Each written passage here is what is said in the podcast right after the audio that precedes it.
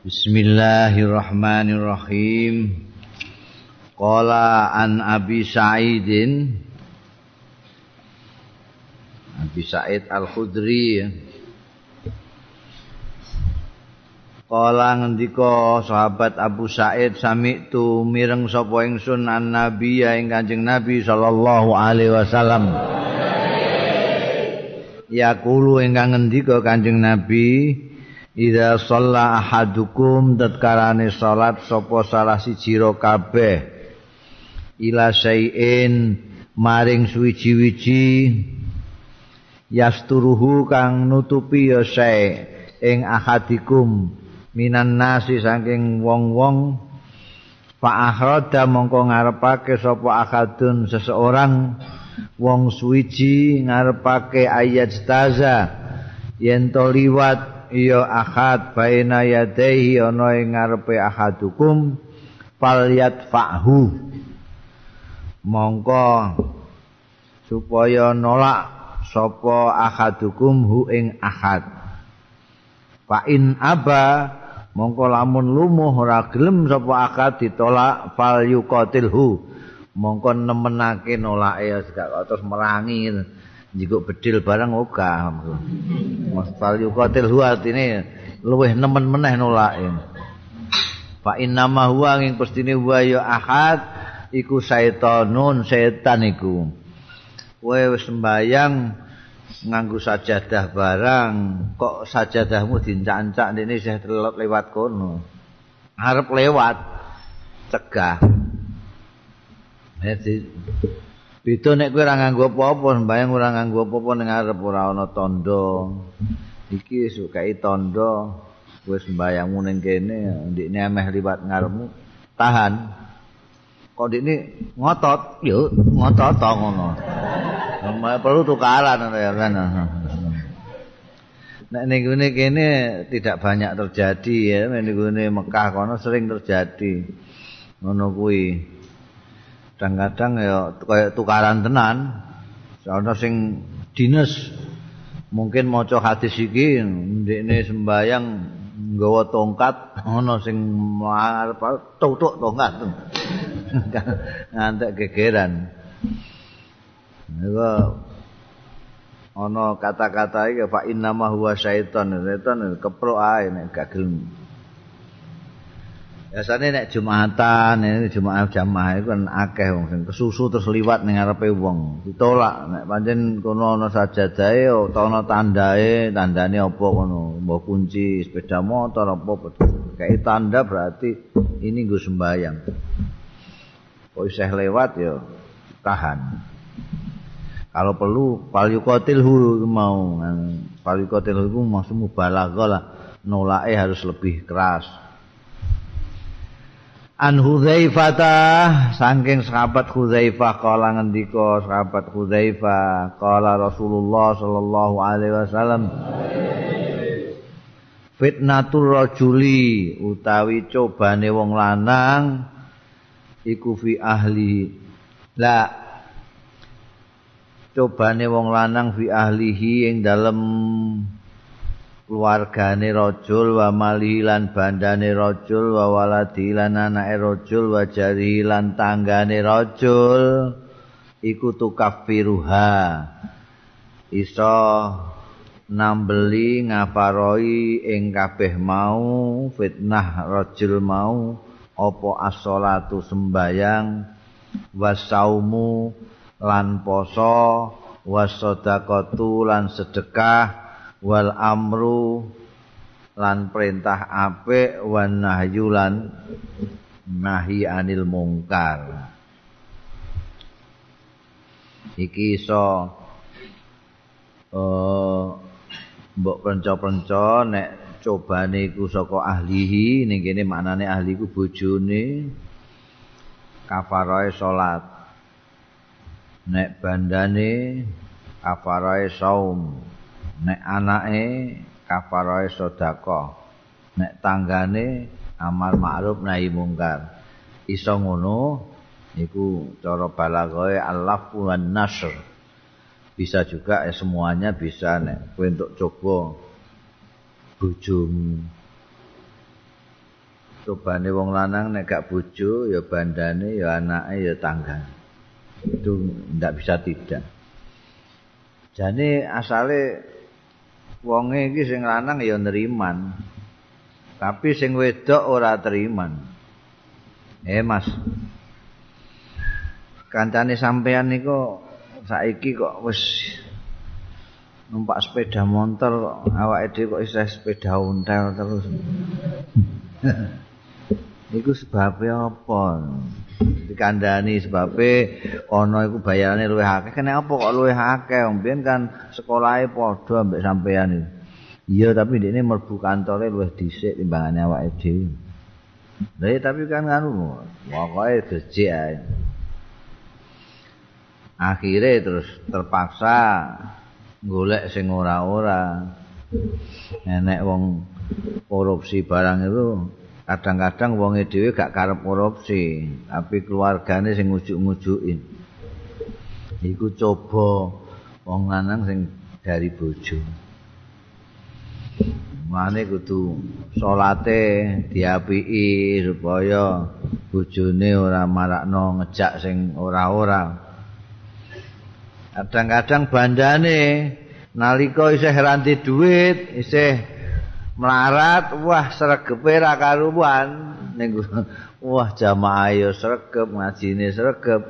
Bareng duwike rada akeh. Aras-arasen. Wasale nalika melarat iku nek jamaah ning gurine imam pas. Gurine imam. Bareng rada ndek dhuwit sithik mundur ning gone sop kedua. Tambah akeh neh mundur ketiga. Tambah akeh rezekine blas terus ora ora ning masjid blas. Iku godho saka bondo. Ana sing godane kok anak. Iki akeh godane anak. Iki macem-macem njaluk sepeda motor. Lagi rong dina ketabrak wit asem. Ayo terus. Wes njaluk iki iku gak karu-karuan iki. Iki anake sing sijine durung rampung sing sijine njaluk meneh. Godho godho tangga ya ngono. Godho tangga iki macem-macem. Tanggane tuku TV berwarna wah dipamer-pamerno. Heyu TV mu kok isih hitam putih gak ngeloro meripat. Oh, iku lak mangkelno wong Iya bojomu iku piye bojone? Aku nek njaluk bojoku iku terus langsung kok esuk njaluk ngono ora ngantek sore awan wis ditukokno. Iki saiki 20 in, iki meh ditukokno sing 29 in. Masya Allah. Ah tangga ngono iku berat-berat cobane ngene. Biasane sing nangga kan sing wedok-wedok iku arisan barang ngono kuwi. Di diengkeki iki, diengkeki iku kandakno bojone. Kuwi lara kabeh sing dadi wong lanang lara kabeh. Bolak-balik diwaduli sing Wah. Kono iku Yusumini iku bar tuku lemari anyar apik Mas. Aku tuku ana Mas. Terus kono dik sapa neh iku wah tuku gelang kok iso apike ngono. Buangkrut kowe. Iku to. Mulane di apa jenenge dibentengi nganggo salat, nganggo poso, nganggo sedekah, amar ma'ruf nahi mungkar. Lah sing salat wis karuan lah ya, salat sudah ngerti kabeh. Poso ngerti kabeh, sedekah ngerti kabeh. Sing rodok arang-arang diterangno iku amar ma'ruf nahi mungkar. Biasane mubalek-mubalek dai-dai iku nerangno ya wajib amar ma'ruf nahi mungkar. Wong Islam kudu amar ma'ruf nahi mungkar.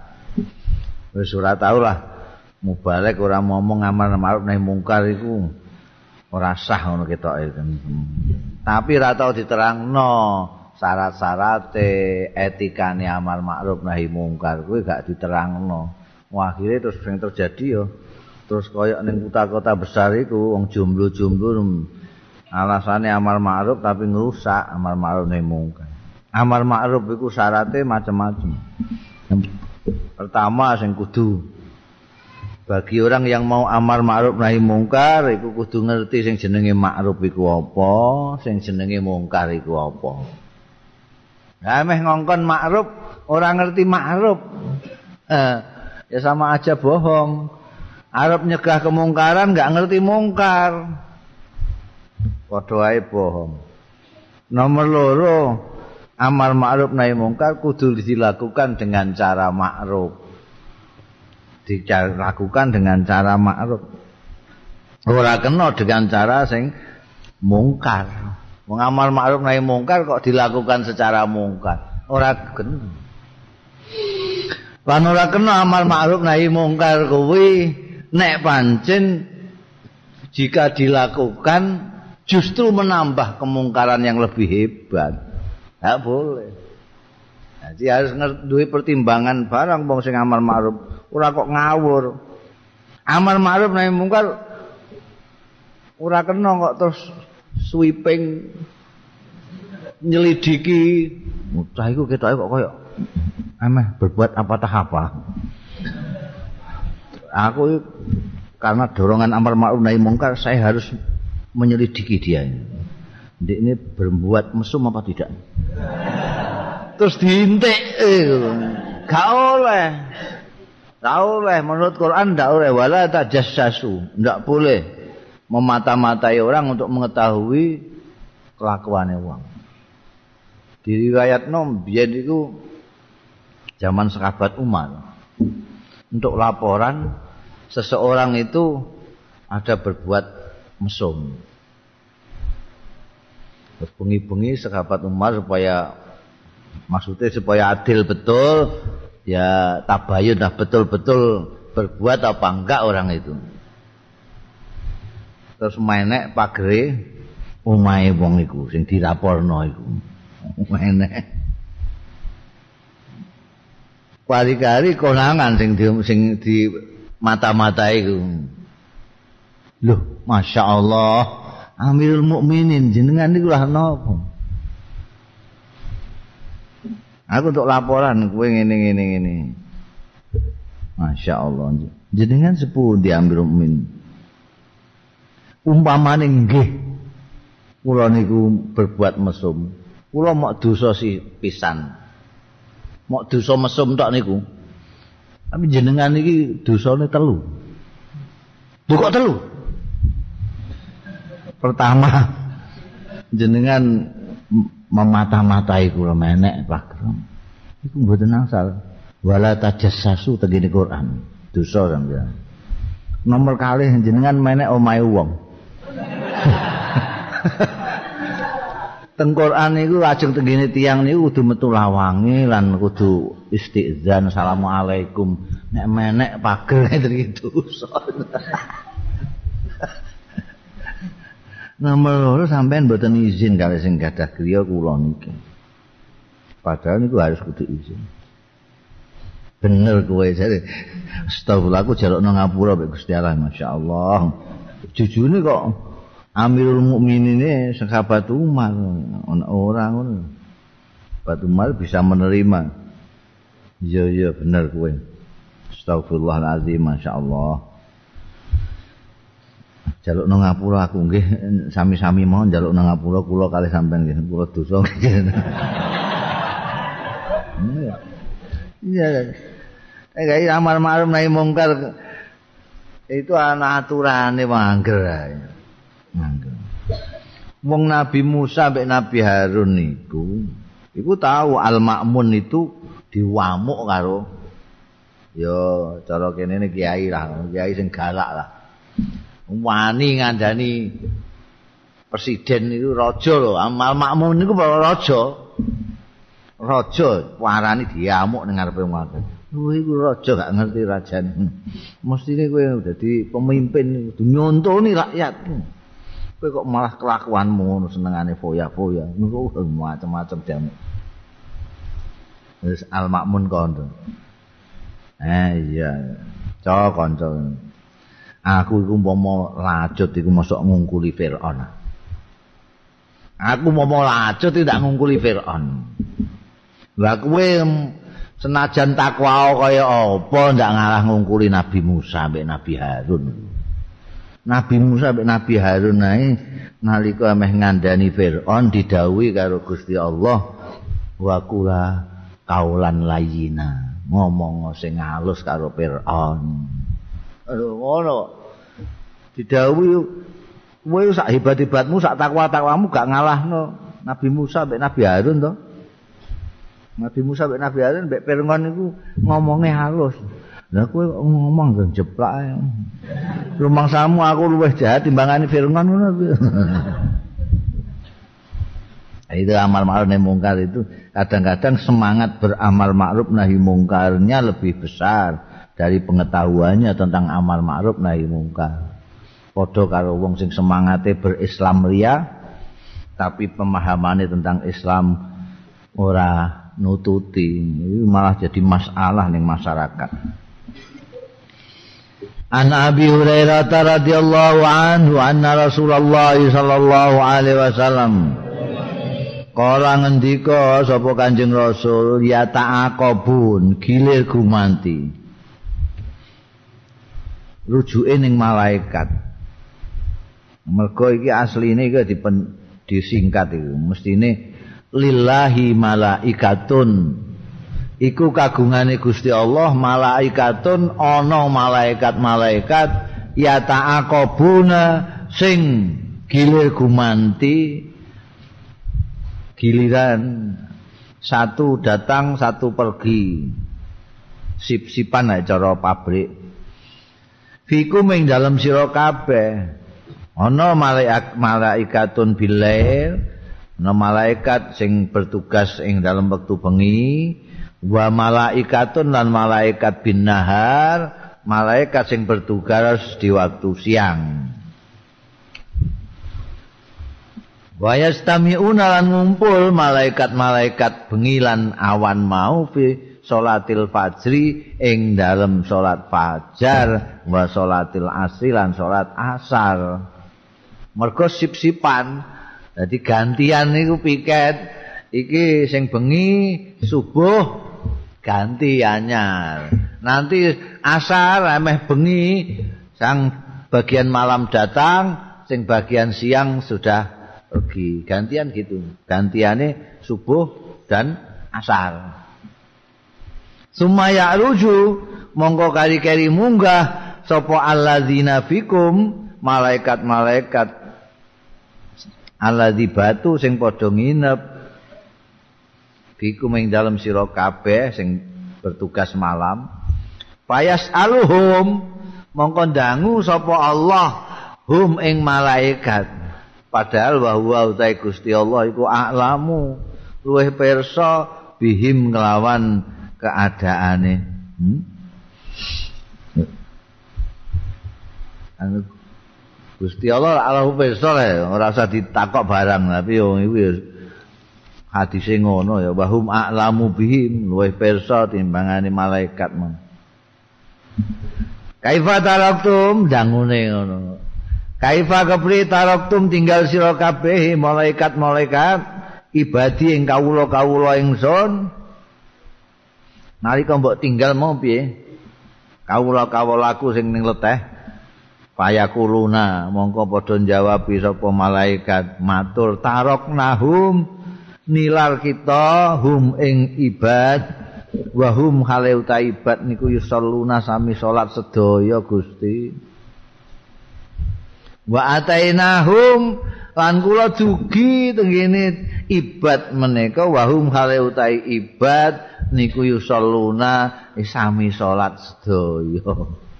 Niku nek nek ning kene mbah laporane ngono mbah ora.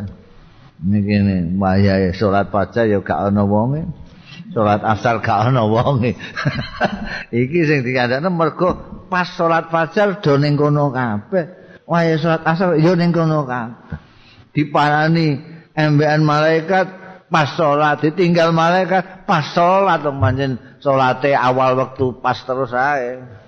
Nah sing salate dadakan mepe kunut barang niku eh salat laporane wah mboten nonton mboten mboten melok niku.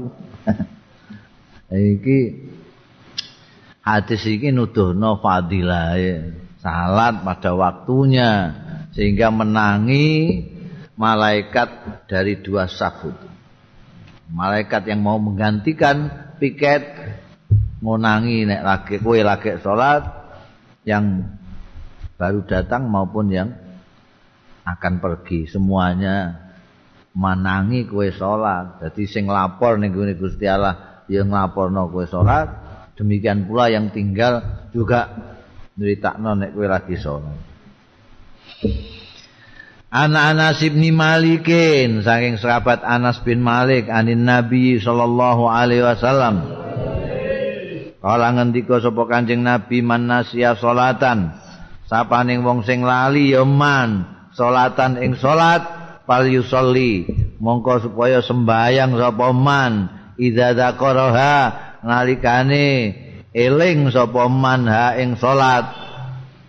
La kafarata ora ana tebusan niku maujud. Laha kedue salat illa zalik kejaba.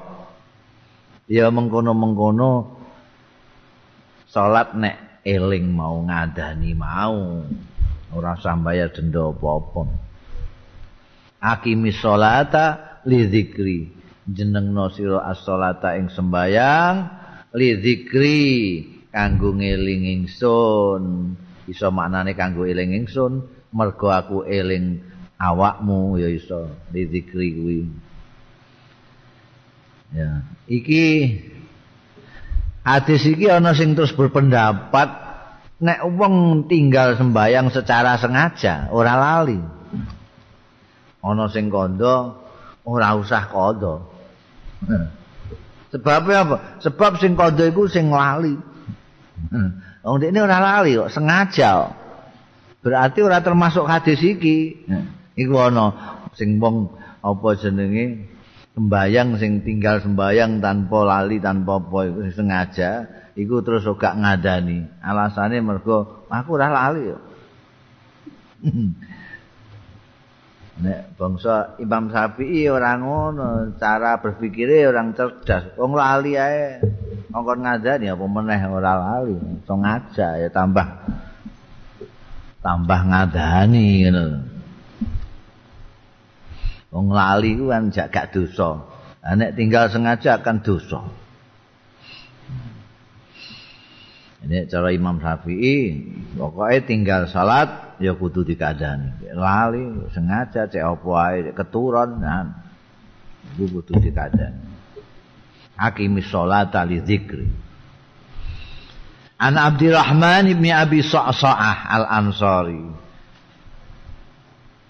An Abdi Ab, Abdurrahman bin Abi Sa'sa'ah. Sebetulnya Abi Sa'sa'ah iki mbae. Abdurrahman itu bin Abdullah kok. an Abdurrahman bin Abdullah bin Abi Sa'sa'ah Al-Ansari itu. Jadi ya, ya wis biasa ning Arab yang ngono bapak mbah iku meh dudukane padha. Suma Al-Mazini. Jadi ini orang Ansor tapi dari daerah Mazin. An Abihi. Saking ramane Abdurrahman yaiku Abdullah. Iku sing sahabat. Anahu akhbarahu stune Abihi iku akhbarahu ngabari sapa abihi ing Abdurrahman anna Aba Sa'idin Al-Khudri seorang sahabat besar juga. Setune Abu Sa'id Al-Khudri qala lahu. Ngendika sapa Abu Sa'id Al-Khudri lahu maring abihi maring bapak Abdurrahman. Ngendikane piye Sa'id Abu Sa'id? Ini aroka. Stune ingsun iku aroka ningali sapa ingsun ka ing sira. Tak tingali kok tuhibbu al ghanama kowe tak tingali kok seneng wedhus wal badiyata lan pedusunan. Eh delok kok seneng pedus seneng dusun. Ya. Iku nek nek wedhus kok seneng kutha iku terus engko angen ning endi hmm, jadi iki senengane wedhus ya otomatis ya seneng ning desa supaya iso angen wedhuse kepenak. Tak delok kok ngono. Fa idza kunta mongko tetkalane ana sira iku fi ghanamika lagi ana ing tengah-tengahe wedhusmu lagi angon wedhus. Au badiatika utawa ning desamu kono. Fa'adzanta bis salat mongko ngumumno sira azan sira bis salat kelawan salat farfa mongko bantelno sira sautaka ing suara ira binidai kelawan azan iku pengundang-undang iku. Fa innahu mongko stune kelakuan layas mau ora mireng mada sautil muadzini.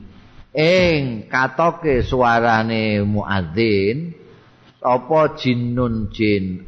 Wala insun lan ora manusa wala saiun lan ora apa-apa ora jin ora insan tapi wa watu gunung ula sak betul.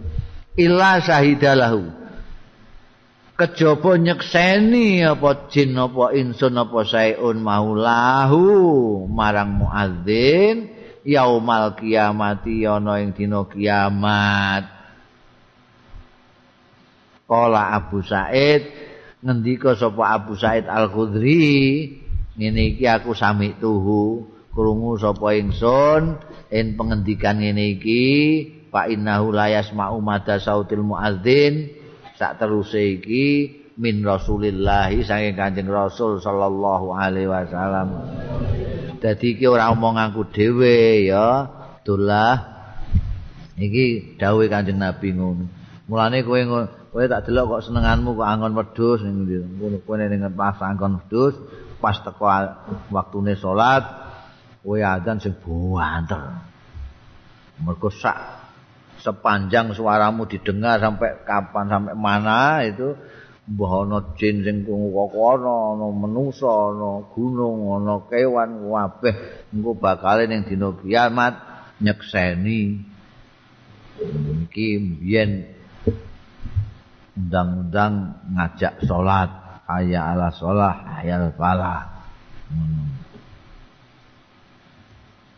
tapi nek saiki iki apa hadis iki? Ekstrim banget wong-wong wong-wonge dhewe nyekeli hadis iki. Kabeh do kepengin suarane dirungokno jin diwanu kabeh. Sehingga ning desa masjide 5 azane ya 5 ban nek bareng ngono tuh nyauri ya gampang. Ora bareng. Kene wis kaya ala sholah kene lagi Allahu Akbar. Kene oh ameh nyauri kan lagian Hayya ala sholat. La haula wala quwata Allahu akbar, Allahu akbar. Allah. Padahal nyauri iku nyauri azan iku dianjurno mbek Kanjeng Rasul sallallahu alaihi wasallam. Mulane saiki terus arang-arang wong sing nyauri azan iku padahal kudu nyauri azan. Nek muadzin muni Allahu akbar, kowe nyauri ngetutno Allahu akbar. Ngetutno terus. Nek hayya ala sholat la haula wala quwata illa billah. Mungkin sebabnya saiki wong do gak nyauri azan ya mergo bingung iku mau. Kene lagi la haula kene Allah akbar neh. Oh, nyauri kene neh iki jane ngatasine gampang jadi. Lurah iku ngundang apa? Pengelola masjid-masjid iku. Nek ning kono masjid 5 diundang kabeh Ini api-api anaten kang. Iki gue sing nganggo speaker iku azane gentena. Oh. Azan masjid iki maghrib masjid iki. Isya masjid iki, subuh masjid iki, asar masjid iki, maghrib masjid iki. Usah untuk kabeh engko. Nah. Sebarang-barang ngono sakake sing arep nyauri iki lho. nyauti azan itu duduk kangelan kabeh. Jatuh ngono lah, enak. Soalnya apa? Nek gak gelem, berarti ya kepengin pamer suara. utawa pamer speaker anyar. aku ya kepengin azan lho, aku pengen dirungokno jin barang ngono. Alasane ngono. Sing nyawur iki sing lara kabeh. Lho engko sesuk azan, aku kepengin maghrib, engko gilirane lak maghrib. Jadi diputer maghrib itu masjid A, Isya masjid B, subuh masjid C, duhur masjid D, asar masjid E. Engko muter kabeh ya untuk adzan maghrib barang. Ngono ya nek gak gelem ya sepancen kepengin rame-rame ya. Syiar jarene. An Abi Hurairah ta saking Abi Hurairah anna Rasulullah sallallahu alaihi wasallam kala ngendika sapa Kanjeng Rasul ya lamu lamun ngerti sapa annas wong-wong ngerti maing barang finida kang ana ing dalem azan wasofilan sof al awali kang awal. Sof awal ning masjid. Musalla sumalam yajidu. Mongko keri-keri ora nemu. Sapa nas illa ayyastahimu kejaba yen to. Undian ya men, menusa nas alaihi ing atase nidak utawa sofil awal. Lastahamu yakti do undian. Sapa nas? Walau yaklamuna lamun ngerti ya nas. Ma fitahjir ing dalem barang. Pitah ciri kang tetep ing dalem. Bayang Jumat awan ngono kae panas banter. Lastabaku yakti balapan yonas ilaihi marang tahjil. Walau ya'lamuna lamun do ngerti yonas maing barang fil atamati ing dalem sembayang isa wasubkilan sembayang subuh la atau huma yakti do nekani ya nas walau habwan senajan engklek. Kecincuk kecincukanlah di pelok-pelokno sayange do ora roh. Iku jawabane sayange ora roh. Iki kabeh kan lau-lau kok umpama lau kalau saja orang-orang itu tahu fadilah azan fadilah sof awal dan tidak bisa mendapatkan azan, tidak bisa mendapatkan sof awal kecuali harus undian, mereka akan mau undian. Malah ana sing nafsiri ayas tahimu iki diambil saka siham, saka panah. Kudu panah-panan, panah-panan gak apa-apa pokoknya aku untuk sof awal. Oh, itu nek sang nek ngerti Nek ngerti apa yang ada dalam sop awal, wong ora ngerti. Ya biasa ngono ae wis kono kowe ae aku tak ora usah. Aku tak sop nguri-nguri. Ora ngantek rebutan apa meneh kok ngantek undian. Mergo kabeh do kepengin. Kok umpama do ngerti kaya apa panas banter tahjir iku sembayang Jumat awan-awan. Wong nek ngerti fadilahe bayang pada saat itu orang itu akan berlomba-lomba ora gelem ketinggalan. Sayangnya do gak roh dadi tenang ngono tembunge kok lao kabeh dadi kaya-kaya ramalane Kanjeng Nabi kok Lau yak lamu nek do ngerti nek sembayang isak sembayang subuh. Wah wis. Kaya apa ae dilakoni mlayu saiki mlaku ae ra ono? Ya mergo ya ora ngerti ya. Ora ngerti apa yang ada di, di dalam surat isak dan surat subuh. Mana malaikat masih ngumpul kabeh. Malaikat yang akan piket hari ini dan yang kemarin kumpul dari siji Anabi Qatadah ta. Saking sahabat Abi Qatadah kala ngendika Abu Qatadah, "Laina ma nahnu." Nalikane utawi kita iku nusolli salat kita ma'an Nabi sartane Kanjeng Nabi sallallahu alaihi wasallam. Kita sedang salat dengan Nabi.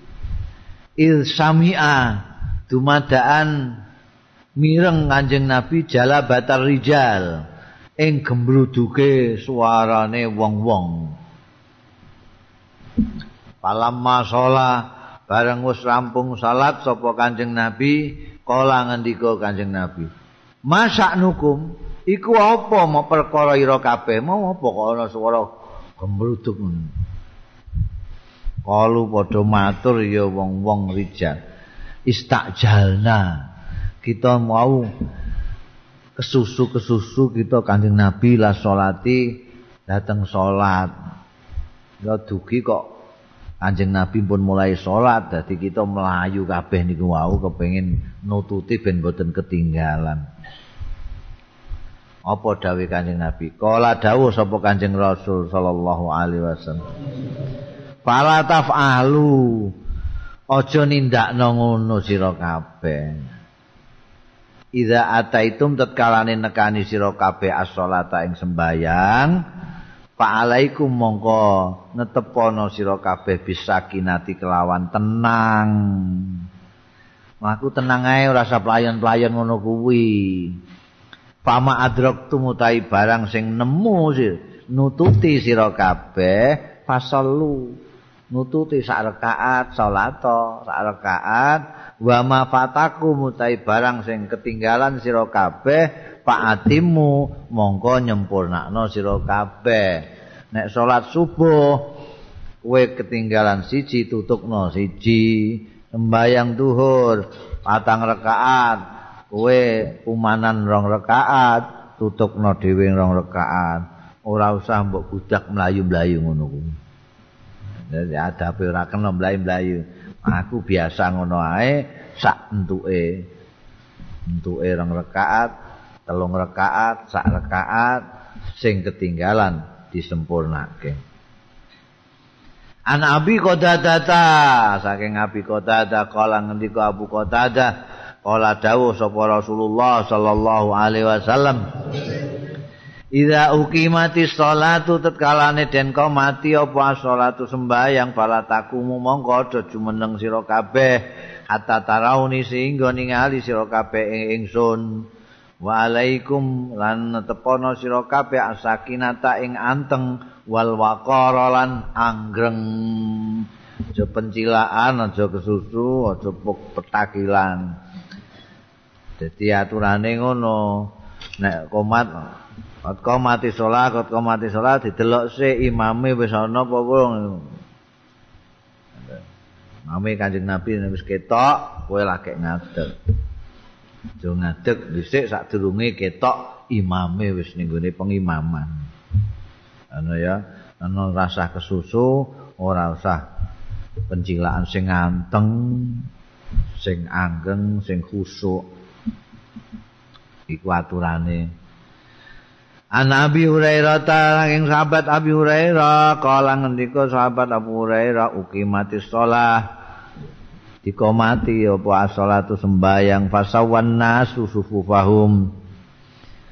Pasawa mongko ngencengake sapa nasu menusa wong-wong sufufahum ing barisan-barisane menusa wong-wong do ngempengno dhewe.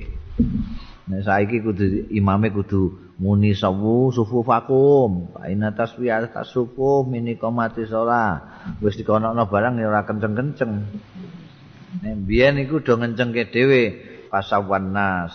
Begitu kot komati sholah kabeh do ngencengno barisan. Pakharaja mongko miyos sapa Rasulullah Kanjeng Rasul sallallahu alaihi wasallam. Saiki daleme Kanjeng Nabi iku ya di dalam masjid biyen mepet masjid. Mepet masjid. Saiki di dalam masjid.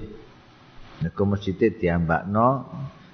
Nang daleme cilik ngono ae. Akan nek wis dikomati Kanjeng Nabi miyos kon dalem ya langsung pas nggon nah, pengimaman kuwi.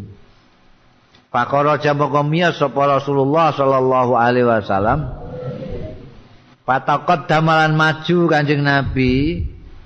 Maju menuju ke pengimaman. Nek cara kene nek. Wahua kali utai kanjeng Nabi ku junubun lagi junub. Sumakola mau keri-keri dawuh Kanjeng Nabi, alamakanikum netepono sira ya tengok-tengok ning kono alamakanikum ing atase tempat ira kabeh. Aja lunga-lunga ning kono ae. Para jaa mongko kondur sapa Kanjeng Rasul fakta salah mongko siram sapa Kanjeng Rasul summa kharaja mongko miyos meneh ya Kanjeng Rasul warok suhu kale utai mustakane Kanjeng Rasul iku yak turu notos-notos maaning banyu. Pasal mangko salat sapa Kanjeng Rasul bihim kelawan nas. Dadi wis meh wis meh ngimami Kanjeng Nabi kelingan nek junub durung adus. Terus jamaah dikon ngenteni wis tengok-tengok ya. tak adus sik. Pundur adus ndang gaginan isih terus agek ngimami. An Abi Hurairah ta. Jadi Kanjeng Nabi itu mempunyai sifat manusia juga lupa barang ngono kuwi ya. Tapi wala yantiku illa wahyu. Jadi ngendikan mesti wahyu. Menusone tetep dan itu tidak menghilangkan kemaksuman beliau. An Abi Hurairah ta anin Nabi saking Kanjeng Nabi sallallahu alaihi wasallam. Kala ngendika sapa Kanjeng Nabi sab'atun ana wong pitu. Ana jenis tujuh orang manusia. Yudhilluhum ing niup-niupi mayungi ing pitu sapa Allah Gusti Allah fi dhillihi ing dalem naungane Gusti Allah yauma la zilla ana ing dina ora ana ayu-ayupan ora ana naungan iku maujud illa dhilluh kejaba naungane Gusti Allah. Nanti pada waktu yaumul kiamah ana ing dina kiamat di mana tidak ada payung kecuali payungnya Allah. Ada tujuh orang yang mendapat kehormatan dipayungi oleh Allah taala. Siapa mereka tujuh orang? Al Imamul Adil. Imam penguasa sing adil. Mulane aku ngandani penguasa-penguasa gubernur barang iku aku nek ngandani usah ora usah kaken wiridan sampean iku anggere adil kalih rakyat insyaallah pun enak mangke sing wiridan kudu akeh iku rak bangsane kiai santri niku sampean mboten usah. Sing adil ngoten mawon pun. Al imamul adil. Jadi aja kaget engko nek ana penguasa dipayungi ning kono. Mergo punya keistimewaan keadilan. Jadi kaya konsep soleh itu tidak sama soleh kiai, embek soleh gubernur, embek soleh presiden, embek soleh santri, itu beda-beda kabeh. Nah iki agak tahu diterangno. Rumangsane saleh iku sitok. Satu macam. Saleh penguasa ya nek adil. Wiridane dawa lah, sembayang sunate sregep lah, tapi gak adil ya ora saleh. Imam ngono iku ora saleh. Ngono ana sing mutus bangga. Wah, camat ngen kula sip ngoten. Piye? Wah, insyaallah wiridane masyaallah.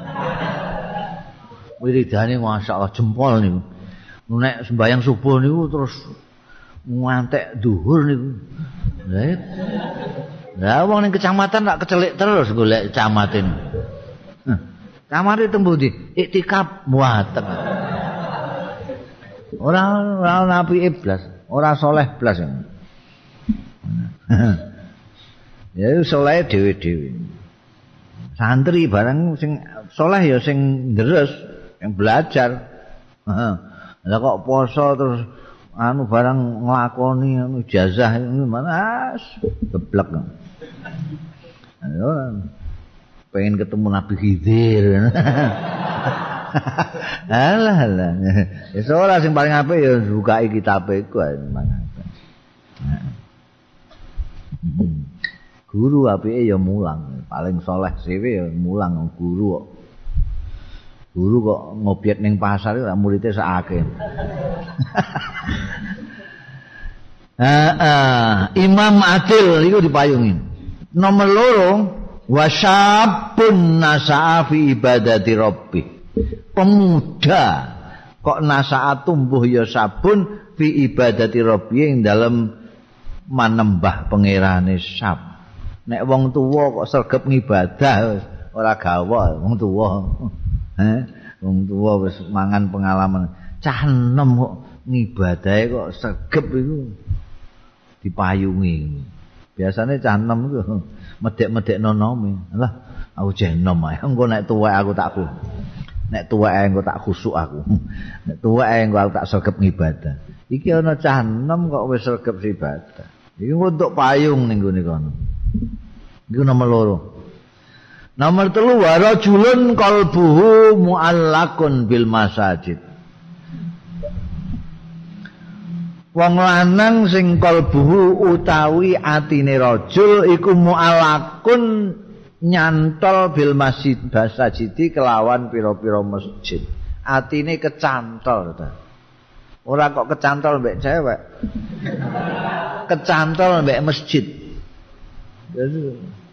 usiling wong eling ning masjid tok ae sing masjid sing ora obah sithik ah pengen masjid aku wong adzan sithik pengen masjid aku masjid ae sing dilingi kecantol masjid iki yo wong sing ngene iki ya apa jeneng Wah niku ora enak merbot niku. Gaweane ning masjid tok iku. Niku ora enak tukang nutuk beduk barang niku. Dukung karuan lho, dene atine gak kecantol. Wong iki sing kecantol atine kok. Mbok dene nabuh beduk saben dina tapi atine gak kecantol. Yo. Atine kecantol ning masjid. Nomor papat. Waro julani lan wong lanang loro. Ya wong wedok loro barang lah. Tahaba sing saling menyayangi ya rajul billah ing dalem Gusti Allah. Istama'a kumpul ya rajulani alaihi ing atase menyintai fillah wa tafarraqa lan pisan sapa rajulaini alaihi ing atase cinta fillah. We seneng karo kancamu ora mergo bolak-balik ditraktir ora mergo bocahe manutan karo kowe tapi semata-mata karena Allah taala ndikne iku nraktir kowe cek ora ndak berubah sikapmu tetep sayang pada dia. Ndikne pas muring-muring utawa pas guyang-guyu ndak terpengaruh kowe tetep seneng karo kanca mergo padha-padha santrine, padha-padha muslim. Iku. Nek umpamane kowe pas isih kumpul ning pondok ya ngono kuwi, pisahan ya tetep ngono kuwi. Tetep mempertahankan hubungan cinta karena Allah itu, sayang karena Allah. Saiki kan sayang sing krana Allah iku rada arang-arang. Mesti ana kepentingan tertentu iku apa. Aku sayang kowe mergo ini, mergo itu. Sing sayang karo wong mergo kedudukan, ya ana.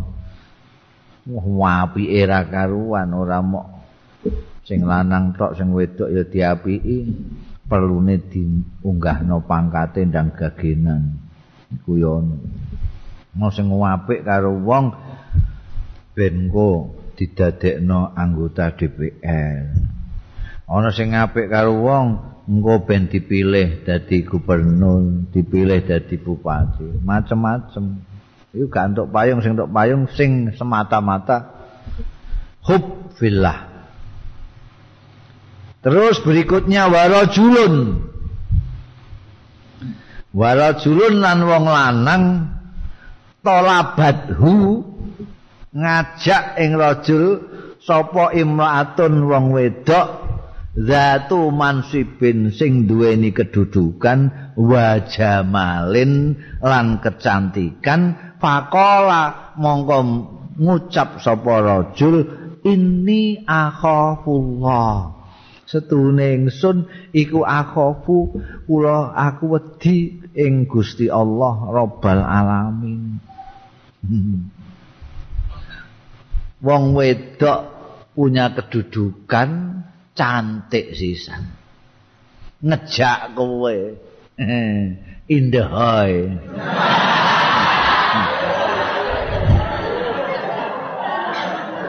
Oh, kowe kok terus muni. Mboten, mboten. Ndak, ndak, ndak. Maaf saja saya takut sama Allah, saya takut. Ya ya. Kena apa kok dikai koyit zatu sibin wa jamalin? Mergo biasane sing duwe kedudukan. Apakah kedudukan itu secara akademis dia pinter, apa kedudukan karena memang dia pangkat atau kedudukan karena dia punya apa bondo apa sajalah. Pokoknya dia punya kelebihan. Cantik sih san. Ya biasanya itu yang diminati lelaki.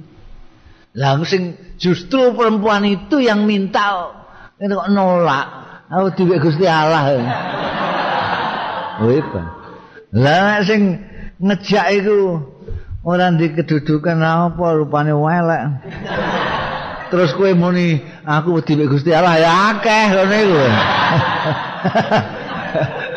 Sing ngejak ora ayu terus kue muni wedi karo Gusti Allah bareng ayu to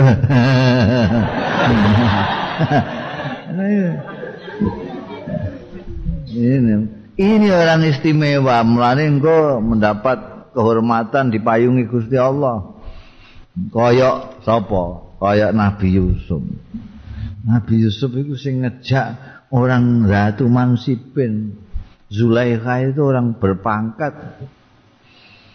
Wahyu ini Masya Allah Wahyu ini karuan. Loh.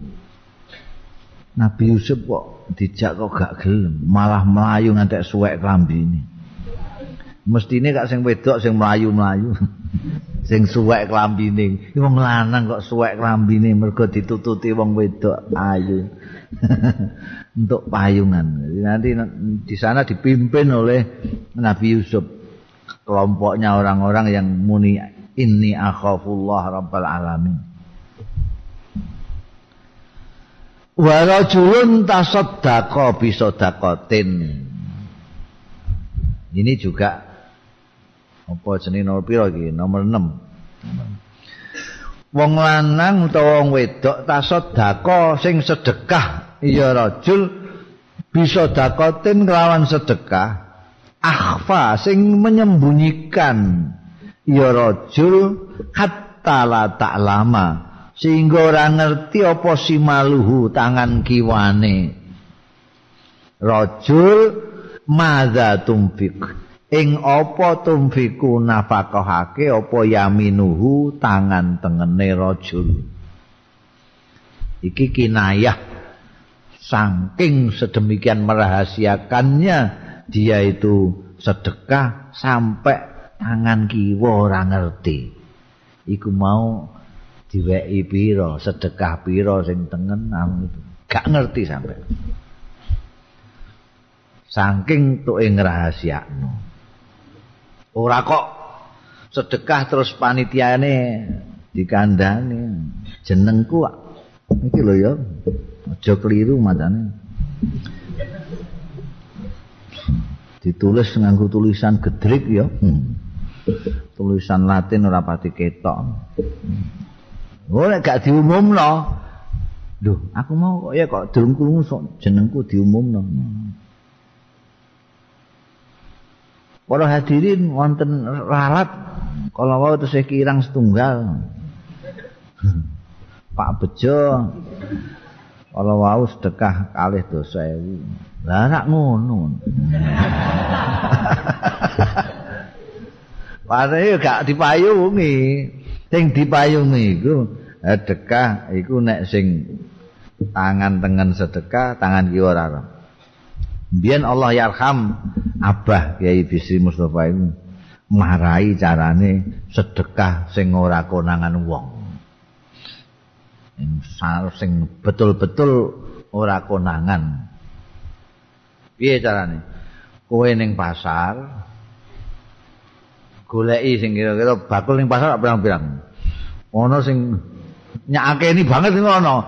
Wong tuwi nunggoni kates mok siji. Terus apa kacang itu, kacang panjang itu mau mau sak gendel tok ngono. Tunggoni ambek mewek-mewek. ya Allah, sak tumbasi ah Mas ngono. Sakake. Terus ana apa jenenge? Bengkuange loro. Krai bungkring-bungkring papat.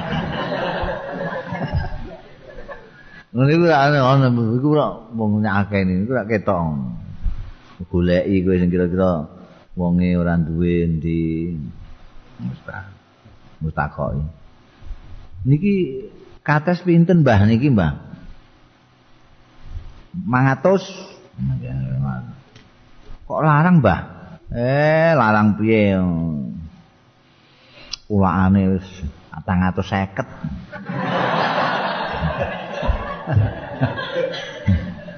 Wong tuwa kulaan barang badan ini. Itu tak medek ning guri omah ya. Nggih pun 450. Wes ngerti nek iku jeneng regane jane 200 wis.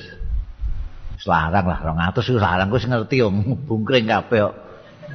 Ditawakno 500 kok mbok nyang 400 sampe 450 ban. tambah isi dia tangan tangan atas pitung puluh lima ngono lo Emang pasar lah ngono ya seneng ngono. Tangan atas saya kan biasa apa tangan atas pitung puluh lima. Ya saya saya duwi iki kraine pira kraine telung atus sesah telung borong kabeh iku. Mbok borong kabeh telung atus. Gak rong atus seket. Ya wis ah ya wis ah rong atus seket. Wong iku regane seket ngono wis larangan.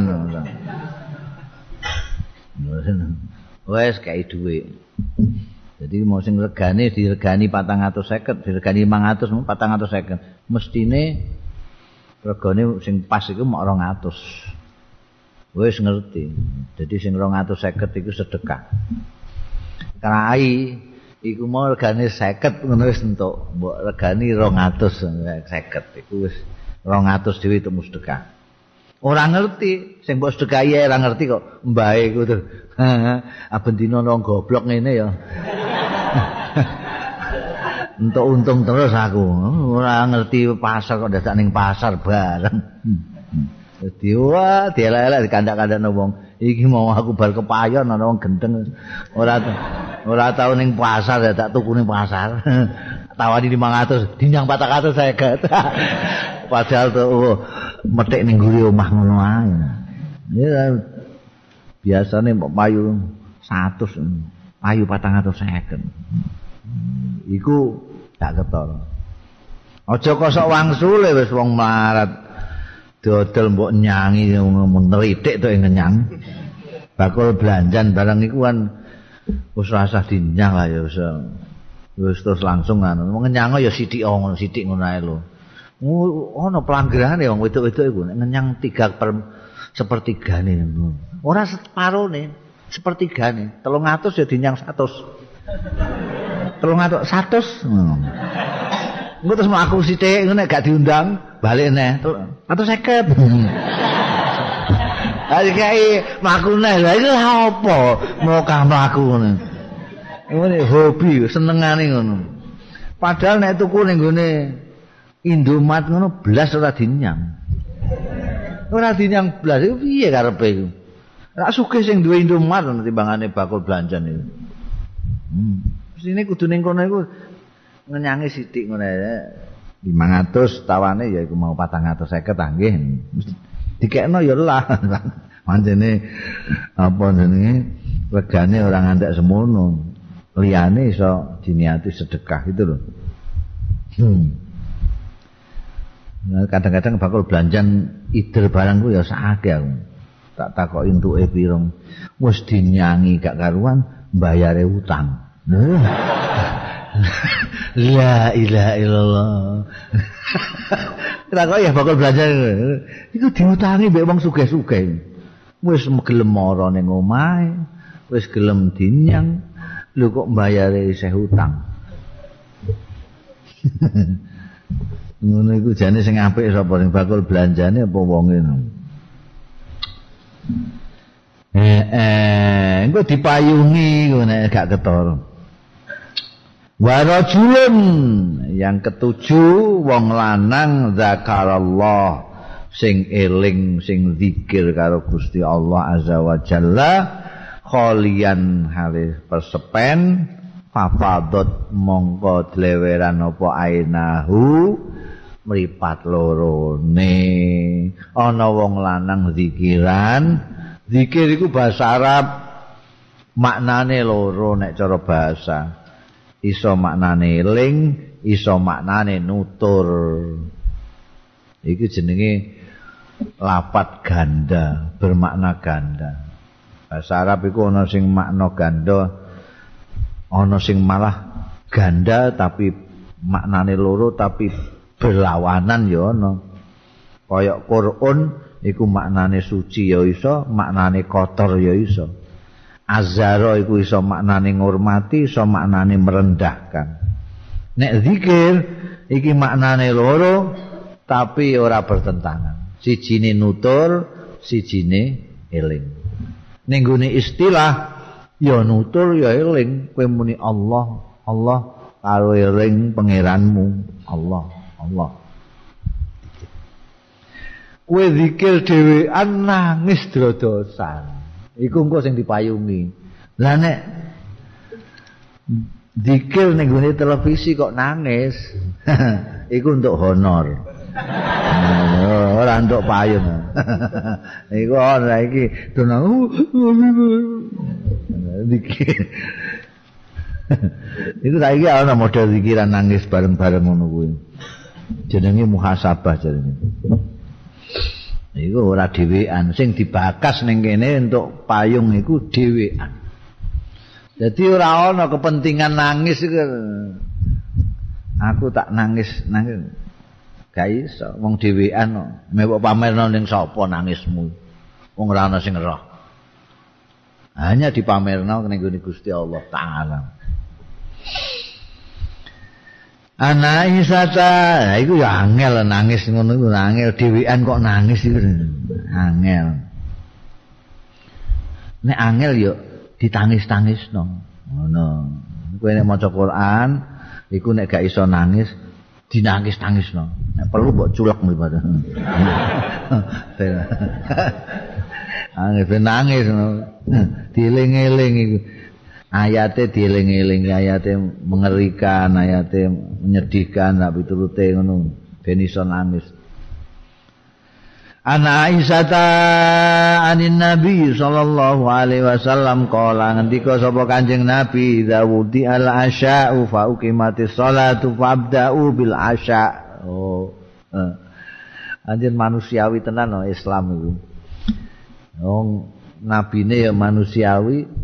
Kala ngendika Kanjeng Nabi dawudi a tatkalane wis diselehno al asya'u makan malam. wa ukimat lan dikamati apa asolatu sembayang. Fabda'u mongko mulailah kamu bil asyai kelawan makan malam dulu. Hmm. ira stama al asya wal isya kudimal asya no ya luwe HP kowe mangan kelingan sembayang timbangane kowe sembayang kelingan mangan. Iku ngono. Lah ini ono juga ulama-ulama sing nafsiri dikasih koyet jadi ngono mau nek wong wis banget lesune wis banget kepingine mangan. Kali-kali komat semangat sik ae.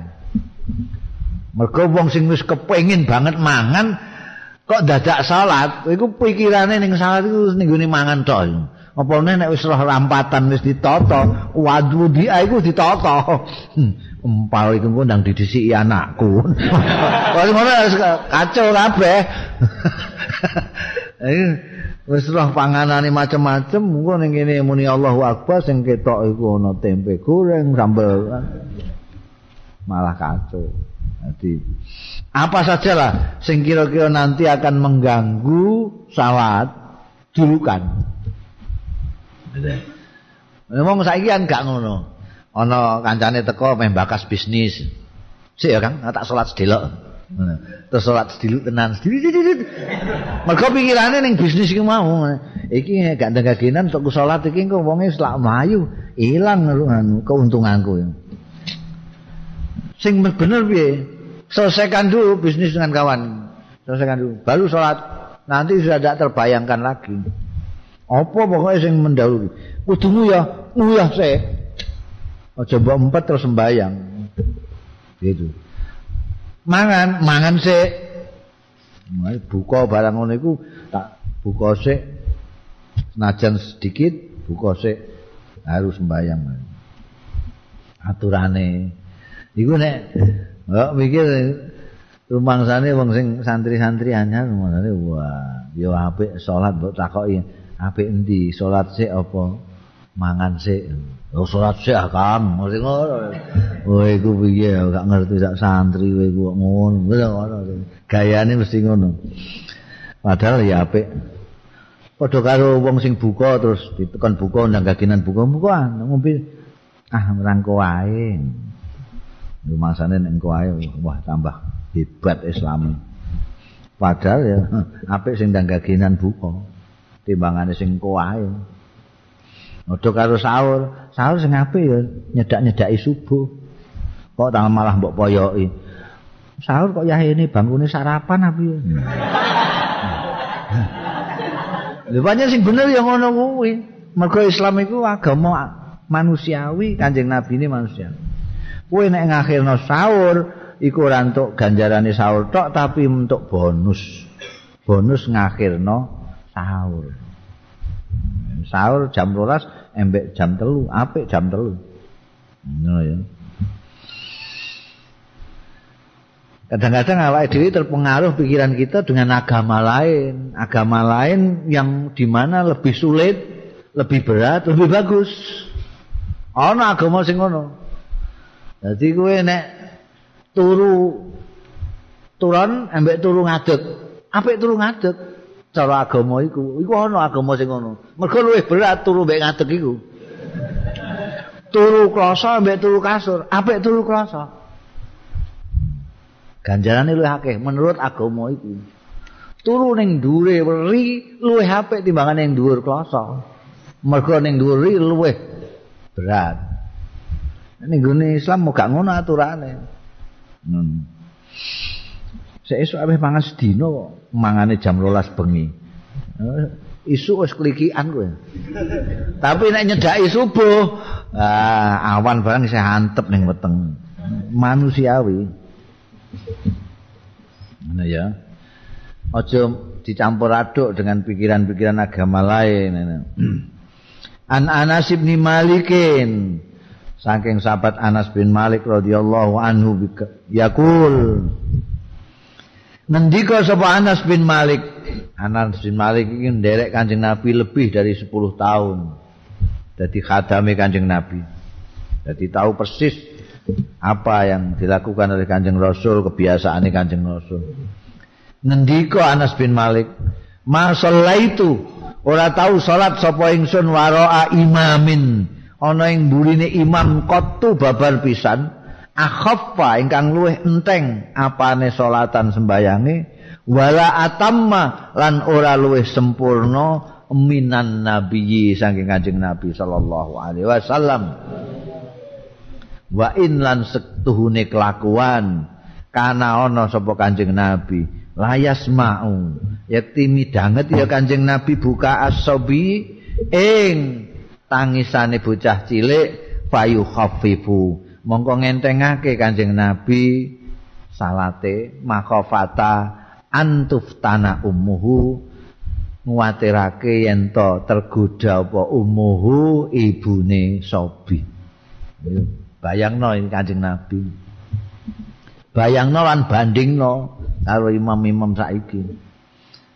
Dawuh imam sahabat Anas bin Malik radhiyallahu anhu beliau menyatakan belum pernah salat di belakang imam yang entenge ngungkuli kanjeng Nabi. Enteng tapi sempurna. Bukan enteng lamcing. tul tul tul tul blas blas iku ya enteng tapi ora Bismillahirrahmanirrahim Yasin Allahu Akbar. Allahu Akbar. Ah ora iku. Bismillahirrahmanirrahim Yasin. Ukat kemudian Bismillahirrahmanirrahim Lam Allahu Akbar. Iku enteng tapi gak sempurna. Kanjeng Nabi enteng tapi sempurna. Ndak ada yang melebihi Kanjeng Nabi. Ngimami ku enteng. Bahkan pernah Kanjeng Nabi itu salat mendengar ana bocah cilik nangis itu sembayangnya dicepetno mek Kanjeng Nabi. Karena mengkhawatirkan komboke jadi resah di dalam salat tergoda anakku iku piye sing gak ono sing nulungi tak pituruti manusiawi sekali. Manusiawi. Beda kalau imam-imam saiki ya ngono. Imam saiki iku nek dhewean sing diwaca kulhu karo inna a'taina nek ngimami sabihis karo hal ataka. Apa sebab? Menjawab dhewe. Sebabnya apa? nek dhewean nganggo kaos oblong kulhu karo inna ataina, nek ngimami nganggo jas tutup sabihis karo hal ataka. Kenapa? Pertanyaannya ngono. Kanjeng Nabi yo gak Kanjeng Nabi nek dhewean duwu banget sembayang. Nganti abuh iku rak suwi banget to. Jumeneng kok nganti abuh itu bayang sak suwe-suwe jajal aku sembayang sing suwi. Nganti abuh apa ora kan? Iku nganti abuh berarti suwine nemen. Tapi nek ngimami Kanjeng Nabi, apa meneh nek khutbah, Kanjeng Nabi khutbah iku bisa delok ning gone khutub Jumat Kanjeng Nabi itu. Apa? Enggak ada yang panjang bentar gitu saja. Alhamdulillah. Alhamdulillah nahmadu wa nasta'inu wa nu'minu bihi wa natawakkalu alaihi wa nastaghfiru wa natubu ilaihi wa na'udzu billahi min shururi anfusina wa min sayyiati a'malina. May yahdihillahu amma ba'du. Ittaqullaha haqqa tuqatih. Ala tamutunna illa antum muslimun. Qala Allah taala kitabul Quran wa salam ora cerita ning dindi bandingane Anjing Nabi itu nek khutbah Jumat itu lebih sedikit dari panjangnya sholatnya. Saiki delok apa ana imam masjid Jumat itu sing khutbahe luwih pendek utawa padha ae mbek sembayange gak ono. Apa meneh kok luwih pendek dari salate? Padha karo salate ngono gak enak. Mesti melantur-lantur tekan dindi. Widato kan aku kadang-kadang lha ya wong iku wong angger minggu pidato kok dientek-entekno bahan entek kapok ngene. Mbok dincret-ncret Mboten yo gentenan lho, ya gentenan kuwi ya. Wong saben minggu. Ngantek sing nungokno do teler kabeh. Kanjeng Nabi kalau apa namanya ngimami ya diperhitungkan yang makmum. Itu. Mulan biyen sahabat Muad bin Jabal iku didukani Kanjeng Nabi, mergo Kanjeng Nabi untuk laporan nek Muad bin Jabal ngimami rakaat awal iku ngatamno Baqarah rakaat kedua ngatamno Ali Imran. Oh, sing lapor iku ngono sing dengkule isih gemeteran. Ini panjang Nabi niku wah masya Allah murid jenengan setunggal niku melok kiambake sembayang nanti loro kabeh dengkul kula niku bakal dikatamke to. Iku timbali Muad bin Jabal didukani mek Kanjeng Nabi kuwi aja gawe fitnah Muad. Kuwi nek sembayang dhewe ngatamno Quran kurang percayane, silakan. Tapi kuwi ku ngimami wong akeh. Ana sing tuwa, ana sing enom, ana sing ditunggu penggawean. Oh, macam-macam. Itu semua. Nek gak gelem ngono ya rasa jadi imam. Kalau berani jadi imam harus berani mempertimbangkan semua rakyatnya yang di belakangnya. Jadi imam kok sak karepe dhewe. Itu imam sembayang maupun imam pemerintahan sama saja. Nek pancen ra iso ngopeni ngayomi semua yang ada di belakangnya ya ndak usah jadi imam itu memang gampang An Zaid hmm, An Zaid ibn Sabitin bayang no, no sembayang krungu bocah cilik kok dicepetno sembayange emeh maca sabikis terus digenti kulhu. Gara-gara mecah sangat manusiawi. An Zaid bin Sabitin anna Rasulullah sallallahu alaihi wasallam ittakhadha hujratan. Gawe sapa Kanjeng Nabi hujratan ing aling-aling. Kolat awuh sapa Kanjeng Nasib tu anau kola kola iki sing dawuh rawi sing entuk saka Zaid bin Sabit sing entuk hadis saka Zaid. Dadi rujuke kala ning rawi. Rawi sing saka Zaid iku ngendika kasib tu tak kira nyono sapa ingsun annahu setune Zaid bin Sabit iku kala ngendika sapa Zaid bin Sabit min hasirin saka kloso. Jadi rada eling-eling ora ngono lho sing entuk Zaid bin Sabit iki. ketoke Zaid bin Thabit yang ngendika nek aling-aling sing digawe karo Kanjeng Rasul iku saka kloso. Fi Ramadan ana ing bulan Ramadan fasalla mongko salat sapa Kanjeng Nabi fiha ing dalem hujrah mau. Layalia ana ing beberapa malam fasalla mongko salat sapa Kanjeng Nabi bi salati kelawan salate Kanjeng Nabi. La pasola mongko salat bi salati kelawan salate Kanjeng Nabi sapa nasun wong akeh. Min ashabi saking sekabat-sekabate Kanjeng Nabi.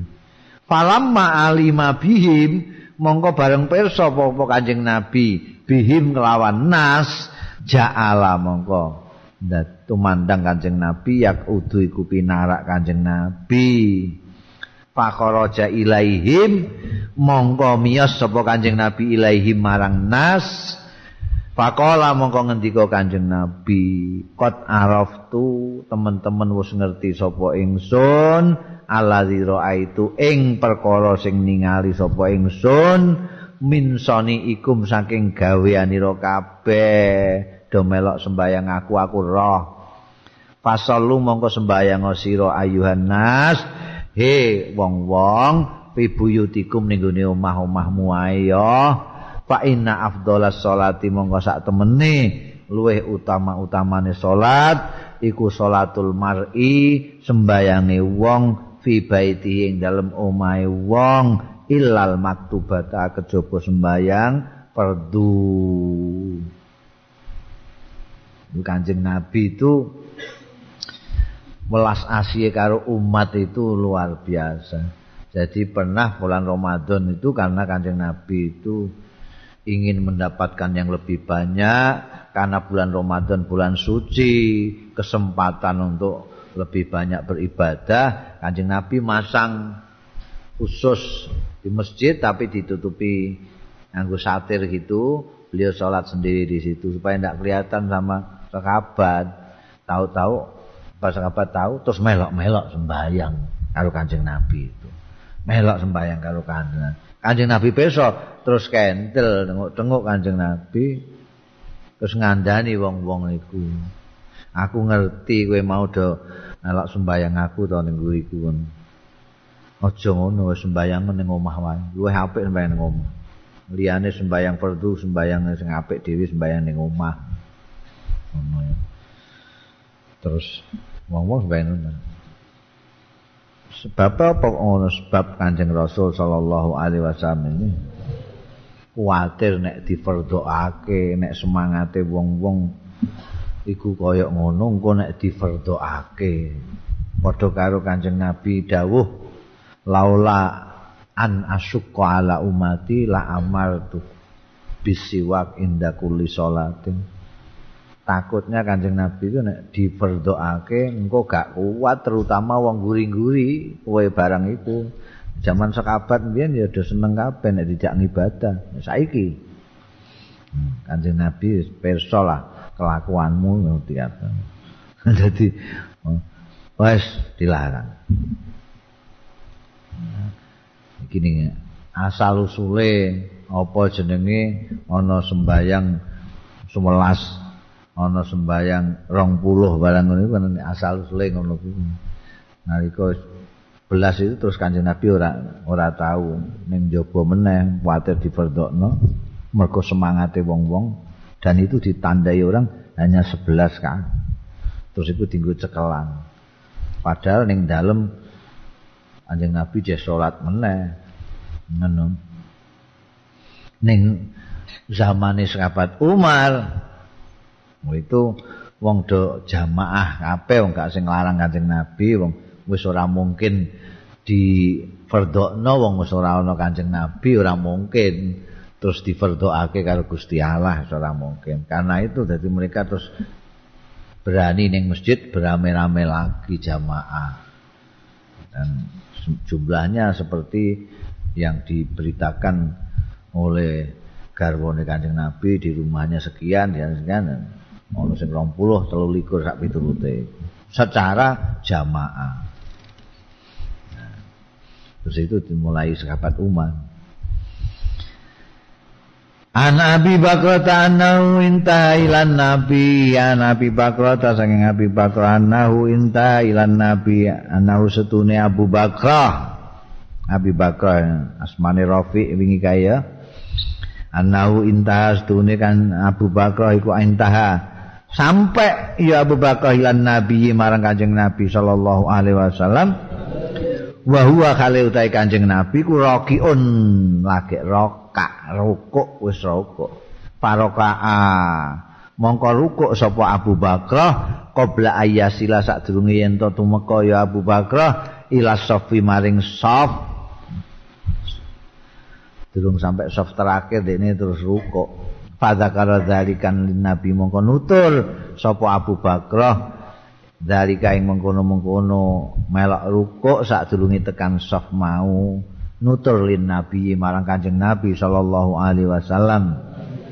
Pakola mongko dawuh sapa kanjeng rasul ning gone Abi Bakrah zadakallahu khirsan. Muga-muga nambahi ing sira sapa Allah khirsan ing perhatianmu terhadap ibadah. Tapi wala ta'u aja baleni ya aja baleni sira. Didongakno tetep perhatiane ning gone salat ning jamaah luwih gedhe tapi aja mbok baleni cara yang seperti itu. Jadi maksudnya kancing Nabi Abu Bakar lagi mara ning masjid kok kanjeng Nabi wis rukuk? Jadi nek mara ning gone sop kanjeng Nabi kok gak gak kumanan rukuk engko Jadi wis langsung ae begitu roh kanjeng Nabi ruko, ndekne terus langsung Allahu Akbar ruko. Terus matur karo Nabi, kula wau dereng tekan sop, kula pun ruko soalnya kula kuatus nek ketinggalan jenengan man. Jenengan itidal kula pun ketinggalan rukuke jenengan. Jadi kula wau dereng tekan sop pun ruko. Jadi ruko dhewean ning nguri, ora ning jero sop. Iku aja baleni iku. Ngerti nek iku kanjeng Nabi apa itu perhatiannya besar terhadap tapi tidak benar jadi piye? Ya mara niku ni sop ikut sop jadi iki nuduhake nek kowe ana jamaah kowe kudu mara ning sop melok gabung ning sop aja ning adoh nutup sop nek gak ana sop mepet kabeh kasiji tarik wong mengguri siji mbung ngancani kowe ndadekno sop ya itu. Kaya ada ninggune sop aja dhewean apa meneh kok sembayang dhewe-dhewe? Sing akeh saiki rak ngono. Terus sembayang dhewe-dhewe imame pirang-pirang kadang-kadang nek maghrib terus banter-banteran. Wah api-apian lagune bareng ngono. Uh, bangkune mbayang kanggo Gusti Allah apa kanggo wong Biasanya ning terminal barang itu sembayang ada. ora gelem jamaah karo sing wis ning ngarep. An Abi Hurairah ta anan Nabi ya setune Kanjeng Nabi sallallahu alaihi wasallam takhala mlebet ya Kanjeng Nabi al masjid ing masjid. Pada kala rajulun mongko melbu sapa rajulun wong lanang fasala mongko sembayang sapa rajul sumajaa mongko keri-keri teka sapa rajul fasallama mongko uluk salam sapa rajul ala nabi? Ing atase kanjeng nabi sallallahu alaihi wasallam. Paroda mongko jawabi sapa nabi kanjeng nabi sallallahu alaihi wasallam? Alaihi ing atase rajul assalamu ing salame. Bar sembayang kuwi terus mara ning Kanjeng Nabi Assalamualaikum Kanjeng Nabi. Waalaikumsalam Pakola mongko dawuh Kanjeng Nabi Irji bal nyauri salame wong mau terus dawuh Irji baliyo sira fasoli sembayang sira sembayang neh inna kalam tusolli. Mongko sedune sira iku lam tusolli durung salat kowe alat temrasah durung salat ana balik salat neh. Pasola mongko salat sapa rajul sumajaa mongko keri-keri Sowan meneh sapa rajul fasallama mengko uluk salam sapa rajul lan nabi ing atase Kanjeng Nabi sallallahu alaihi wasallam. Dijawab Kanjeng Nabi terus faqala mengko ngendika Kanjeng Nabi, "Ilji balik fasoli sembayang sira." Pak inaka mengko sedune sira iku lam tu soli durung salat kowe iku. Alasan nganti ambal kaping telu. ambal kaping telu kon bali aneh sembayang. Eh sembayang neh, durung rampung, durung salat kowe. Ngapokno wong. Pakola mongko matur sapa rajul bareng wis ping telu terus matur walazi ba'asaka bil haq demi zat ba'asaka kang ngutus ya lazika ing panjenengan Kanjeng Rasul bil haqqi kelawan hak ngutus nabian sebagai nabi fama uksinu mboten saged lungguh bagusaken kula gairahu ing liyane sing pun kula lakoni niku kan luwih apik malih mboten saged niku pun pas-pasan iso kula nggih mau niku mawon kan baleni mangke ping 1000 nggih ngoten mawon terus Pak Alim nih, kula aturi mulang panjenengan ten kula Kanjeng Nabi, Pak Alim nih. Kula diwarai sepundi supaya saged ampun dikon bolak-balik terus mangke ping 1000 nggih ngeten terus wong saged kula ngoten. Kala dawuh Kanjeng Nabi, "Idza kumta tatkalane jumeneng sira ila sholati marang sembayang, fakabbir." Mongko takbira sira. Sumakra mongko keri-keri maca sira mataya sara barang sing kepenak sing gampang ya ma maaka satane sira minal qur'ani sing Qur'an isamu apa waduka ina taina kulhu hmm. sumarka mongko ruku sira hatta tatma inna rakian sehingga anteng sira rakian kali ruku. Aja kaya mau dul dul ruku durung tumak nina wis mbok angkat meneh. Ruku tenang. Tenang. Jadi ketok nek ruku tenang. Sumarfa mongko diangkat. Mengangkat sira kata tak tadila qaiman sehingga jejeg sira qaiman hale ngadeg. Akeh iki sing ora itidal kan jadi ruko ngono iku cepet ra karuan. Dadi ora ngadeg sik ngene itidal sik. Anteng lagi sujud. Aja kok. Cepet ra karuan. Iku lha apa itu itidal iku kudu jejeg kok iman aling ngadeg jejeg sumasjud mongko sujud hatta tatmainna sehingga anteng sira sajidan hale sujud. Sujud aja maknu kaya manuk notol mbok angkat meneh gak. Kadang-kadang kena emok untuk sithik tok sit. Tapi sing anteng tetep sujud. Sumarfa mongko kari-kari angkat saka sujud kata tatmainna sehingga anteng sira jalisan hale lungguh. Ketok linggihmu bar sujud kuwi. aja kok lungguh jenggelek sithik sujud meneh. Ora ana sing diwaca. Jadi terus langsung ujug meneh. Iku akeh banget sing ngono kuwi. Itu linggih sik. Iku nek ponakan kanjeng Nabi ngomong kon salat neh salat neh gak sah sumasjud. Mongko keri-keri sujud hatta tatma inna sajidan. Sehingga anteng sira sajidan hale sujud. Summa fa'al dzalik mongko keri-keri nindakno sira zalika ing mengkono mau kabeh fi salatika ing dalam sembayangmu kuliah sekabehane aturane. Jadi rupane wong iki ora nganggo tumak nina tumak nina itu penting. Kesusu ya kesusu tapi harus ada tumak nina. Ukuran tumak nina iku wis enek nganggo wacanane kuwi. Dadi diwaca iku sing bener. Subhana rabbiyal a'la bihamdi. Iku wae wis tuwakne nek tul iku jelas ora maca apa-apa jelas iku.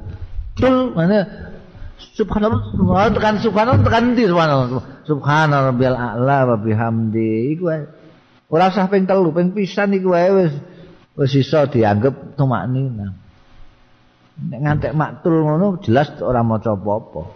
Rukuk juga jelas. Mana rabbil azimi wa bihamdi. Eh eh iku marakno wong-wong iku keliru konsepnya terhadap salat rumangsane salat iku perlu Gusti Allah. Itu sing salah ning kono salat itu ora perlu Gusti Allah Gusti Allah ora perlu mbok jengkingi apa gak perlu Salat iku perlune awake dhewe, ora perlune Gusti Allah. Nek perlune awake dhewe, ya awake dhewe sing kudu ngepas-ngepasno. Ora butuh lah iku sembayang ah sakake Gusti Allah iki nek gak salat. Eh kok sakake la ilaha illallah. Rumangsamu lha apa? Wong sak ngalam donya iki isine mok 5 sampai 6 miliar manusa. Dadi nek mbambung kabeh ora salat kabeh, Gusti Allah blas ora rugi. Mergo malaikat triliunan sing penggaweane salat tok iku enek. Sujud tok enek, rukuk tok enek. Triliunan ora kok miliatan. Hmm, jadi jane salat iku anugerah Gusti Allah ning gone manusa diparingi kesempatan sowan Gusti Allah. Lah kok kesusu-kesusunan iku apa? sowan mbekan pangeran kok susune ngono. An Abi Hurairah anna Rasulullah setune Kanjeng Rasul sallallahu alaihi wasallam kala ngendika sapa Kanjeng Rasul ida qala al imam munalikane ngucap sapa al imamu imam sami Allahu liman hamidah Fakulu mongko ngucap sira sing dadi makmum Allahumma Rabbana lakal hamdu. Sami Allahu liman hamidah Rabbana walakal hamd. Mana sing ngono Allahumma Rabbana lakal hamd Fa innahu mongko setuhune Sami Allahu liman hamidah. Mireng sapa Allah liman marang wong hamidah kang muji sapa man ing Allah. Allahumma rabbana duh Gusti pangeran kula laka niku kagungane panjenengan alhamdulillah sekae puji. Kae tanda kutip Allahumma rabbana walakal hamd. Fa innahu mongko setuhune kelakuan. Man wafaqa sapa wong sing ngepasi ya man? La sapa sing ngepasi apa kauluhu? Ucapane man ngepasi kaulal malaikati. Ing ucapane malaikat mergo nek ana imam muni sami Allahu liman hamidah iku malaikat-malaikat padha muni Allahumma rabbana wa lakal hamd nek kowe yo muni ngono kok pas karo apa yang disampaikan malaikat hufira lahu mongko dingapura lahu kedue man wafaqa apa sing dingapura ma dosa takot dama kang wis dhisik ya ma min dzambihi saking dosane man. Sami Allahu liman hamida Allahumma rabbana lakal kunek pas persis barengan karo malaikat sing do makmum liyane. Iku di ngapura dosa-dosamu sing wis-wis. An Abi Hurairah radhiyallahu taala anhu anna nas sastune wong-wong. Anan nasa setune wong-wong iku kalu padha matur ya nas ya Rasulullah tu Kanjeng Rasul hal naro rabbana napa kita saged ningali Kanjeng Rasul? Rabbana ing pangeran kita yaumal kiamat mangke wonten dina kiamat. Dinten kiamat mangke Kanjeng Nabi. Napa kita saged mirsani Gusti Allah? Kala mongko dawuh sapa Kanjeng Nabi Muhammad sallallahu alaihi wasallam. Hal tumaruna fil qamar ana ta kowe memperdebatkan sira kabeh fil qamari ing dalem bulan Lailatul Badri ana ing wengine purnama. Bulan bulan purnama ing sing mbok takok-takokno. Ketok ta ora? Disawang kenek disawang apa ora? Apa mbok bukan Komar Lailatul Badri laisa dunau kang ora ana. Ing ngisore Komar apa sahabun mendung. Enggak ana mendung langit cerah. Rembulan Lailatul Badr rembulan purnama iku ya apa sing mbok takok-takokno? Ketok ta ora? Iso didelok apa ora? Kalu matur ya nas. Nggih lak ya Rasulullah mboten Kanjeng Rasul. Mumpun jelas ngoten wela-wela. Kala ngendika sapa Kanjeng Nabi, "Fahal tumaruna fis syamsi." Ya tumaruna iku maknane apa kowe isih bantahan fis syamsi tentang matahari kena didelok apa ora. Nek tamaruna ana sing maca tamaruna maknane meragukan. Apakah kamu masih meragukan fis syamsi tentang srengenge? Laisa dunaha kang ora ana dunaha ana ing ngisore samsi sahabun apa mendung. Sengenge sing tanpa mendung pas wayahe langit cerah. Apa masih kamu perdebatkan? Iso ketok apa ora? Kalu matur ya nas, la nggih mboten Kanjeng Rasul. Kala dawuh sapa Kanjeng Rasul, fa innakum mongko sedune sira kabeh iku tarauna. Bakal ningali sira ing Gusti Allah kadzalika kaya mengkono-mengkono kowe nyawang bulan purnama nyawang sams ngono iku. Yuksarun nas digiring sapa annasu wong-wong yaumal kiamat ana ing dina kiamat wayakulu monggo ngendika sapa? Allah utawa malaikat mangkana ya'budu syai'an falyattabi'hu. Sing sapa wonge ana ya man iku ya butuh nyembah ya man saean ning apa-apa nalika ning donya fal yattabihu mongko supaya ngetutna sapa man hu ing sae mau. Nyembah apa kowe? Paminhu mongko iku setengah saking manusa mayat tabi man wong utawi wong yattabi sing ngetutake asam saing srengenge mergo ndikne biyen nyembah srengenge. Wa minhum lan iku setengah saking nas manutai wong ya tabiu sing ngetutake al-qamara ing bulan mergo mbiyen nyembah rembulan wa minhum lan iku setengah saking manusa manutai wong ya tabiu sing ngetutake at-tawahid ing braula-braula mergo mbiyen nyembah braula ana sing ngetutno kursi mergo nyembah kursi. Wa tabqa hadhil ummah lat batabqa lan keri apa hadil ummatu iki umat fiha iku ing dalem hadil ummah munafikuha wong-wong munafike hadil ummah fayatihimullah mongko nekani ing hadil ummah sapa Allah azza wa jalla sapa Gusti Allah azza wa jalla fayaqulu mongko dawuh sapa Allah taala ana rabbukum utawi ingsun iku rabbukum pangeranira kabeh. Paya mongko ngucap sapa wong-wong, wong-wong mukminin ya ada makanuna. Utawi menika iku makanuna panggenan kita. Hatta ya tiana sehingga nekani ing kita ngrawuhi ing kita sapa rabbuna pangeran kita. Fa idza jaba rabbuna mongko tetkalane rawuh sapa rabbuna pangeran kita arafna arafnahu mongko ngertos kula ing rabbuna. Dadi umat-umat Islam ini kan ana sing mukmin ana sing munafik. Berarti nanti Gusti Allah dawuh, aku pangeran. Eh sapa sing ana sing kenal ana sing ora? Sing mukmin doroh. Doroh. Demuni kula teng mriki. Mangke nek Allah rawuh kula ngertos. Nek niku Allah. Payak tihim mongko nekani wong-wong mau sapa Allah Gusti Allah azza wa jalla. Ning wong-wong mukmin mau sapa Allah Gusti Allah azza wa jalla. Fayaqulu mongko ngendika sapa Allah ana rabbukum. Utawi ingsun iku pangeranira kabeh. Fayaquluna. Mongko padha matur ya wong-wong mukmin. Antara buna utawi nggih. Utawi panjenengan iku rabbuna pangeran kita. Kula sampun ngertos anjenengan pangeran kita. Payat uhum mongko undang sapa pangeran Gusti Allah hum ing wong-wong. Payudra busirat mongko dipasang apa asiratu wat.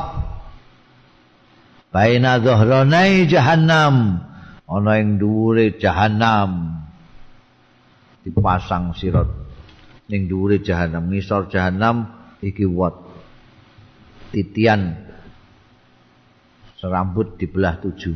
Hmm. Pak aku mongko ana sapa ingsun. Ana iku awalaman kawitane wong ya juzu kang lewat minar rusuli saking para utusan bi ummati kelawan umate man. Saya yang pertama lewat nanti dengan umat-umat saya melewati apa? Wat siratal mustaqim. Ini nabi yang pertama. Wala yatakallamu ahadun. Lan ora ana sing geneman. Sapa akadun wong suci yauma idzin nalika iku? Kan geneman gak ana cemuit ndong isor neraka jahanam kok. Kuwate semono cilike. Ilar rusul kejaba para utusan para utusan ini.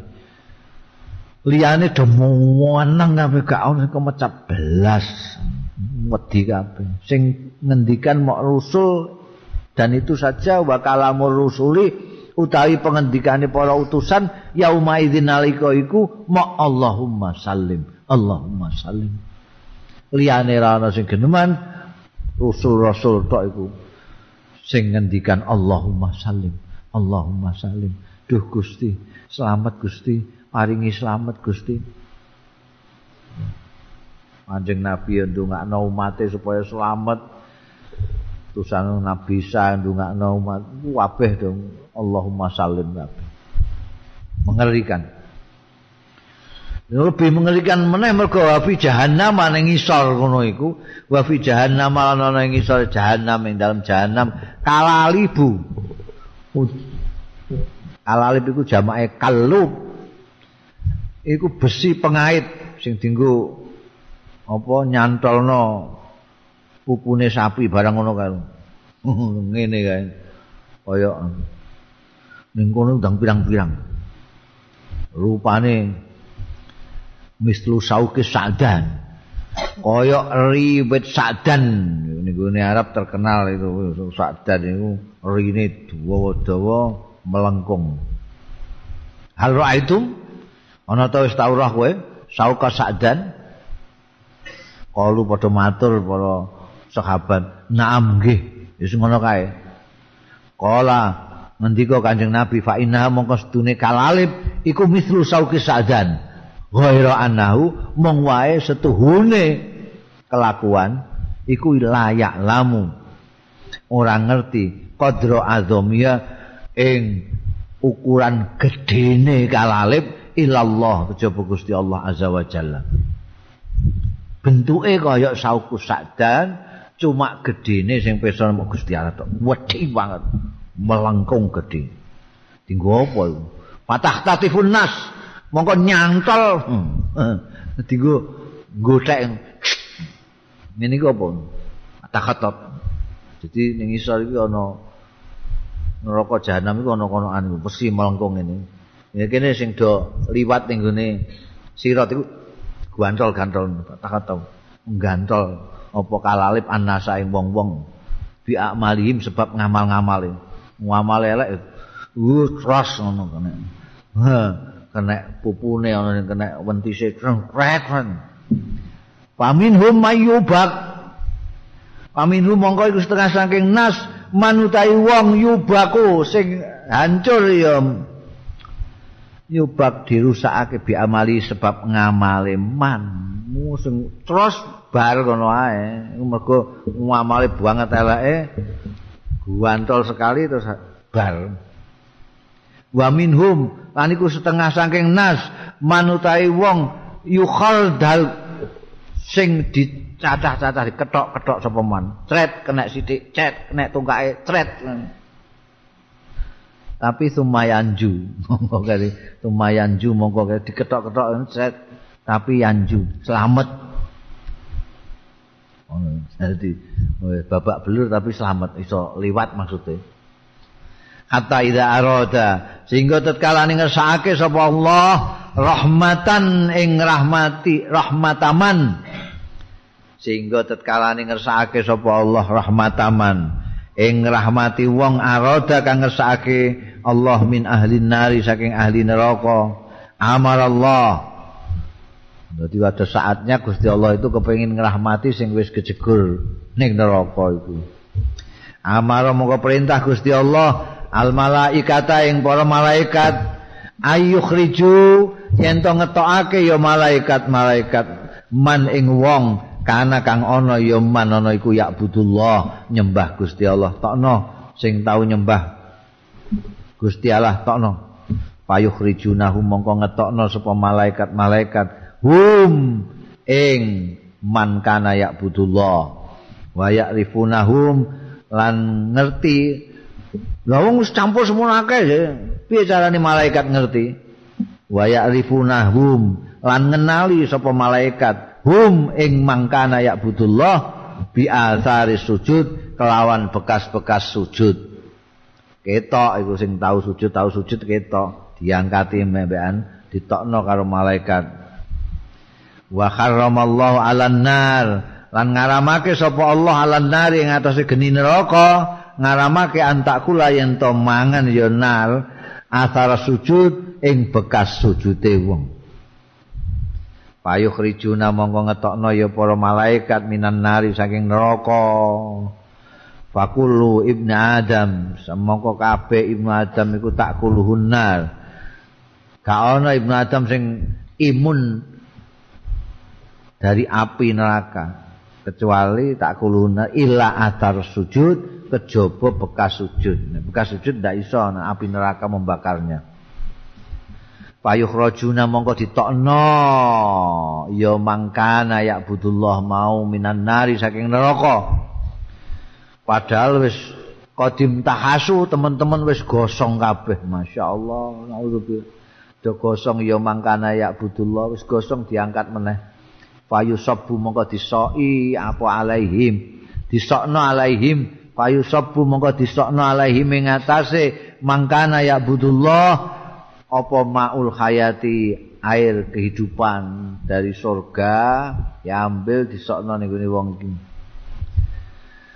Payam butuna mongko tukul. Ya, gosong sing wis gak karuan rupane mau tumbuh lagi tukul kamatam butul khibah kaya uh, tumbuhnya biji-bijian fi hamilis sail ing dalem gawane banjir. Banjir iku nggawa lumpur, nggawa sampah segala macam terus ana wiji-wijian kecil sing tukul iku jenenge hibah. Sumaya fruhullah mongko ngrampungake sapa Allah Subhanahu wa taala minal qada'i bainal ibad saking mutusi antarane kawula-kawula. wis diputusi sing ning swarga mlebu swarga sing asing kudu dirahmati sing ning ning wis kadung nyemplung ning neraka tapi ditanting meneh dilebokno swarga wis kabeh wayap qarajulun isih keri rajulun wong lanang bainal jannati wan nar. Terkatung-kantung antarane swarga lan neraka. Ana wong sing ijeh tengil-tengil antarane swarga lan neraka. Wa huwa utawi rajul iku akhiru ahli nar dukulan. Iku paling akhire ahli neraka dukulan sing melbune al jannata ing swarga. Dadi iku mau lak wis sing nimplung ning ndune neraka iku dirahmati Gusti Allah di kongon jukuki malaikat. Sing do sujud-sujud sing tau sujud karo aku jikuki jikuki wis kabeh karek nek siji iki antara swarga mek neraka tengul-tengul dhewean orang terakhir Mukbilan hale madhep biwajihi lawan raine rajul kibalan nari ana ing arah neraka. Ndikne antarane swarga mbek neraka tapi madhepe ning neraka wong iku mau. Heeh. Payaku mongko matur sapa rajul mau. Ya Rabbi, duh pangeran kula isrip kula aturi ngenggokake panjenengan waji ing rai kula. Rai kula kok kaku madhep neraka terus niki sepundi? Jenengan ubengake Gusti. Am jenengan nenggokake anin nari saking neraka. Kot kosabani rikuha.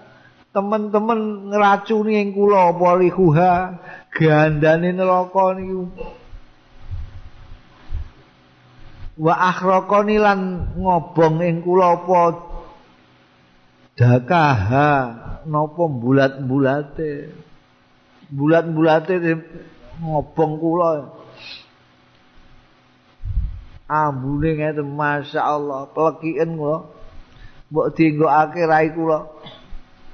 Payaku lumangka dawuh sapa Gusti Allah taala. Hal asaita? Ana ta mbok menawa-menawa sira? Infu ila zalik lamun dilaksanakake apa zalika mengkono-mengkono penjalukmu kowe dinggokno raimu saka neraka. Bika kelawan sira. Mbok menawa antas alani engko kowe njaluk neh ning ingsun wae zalik liyane.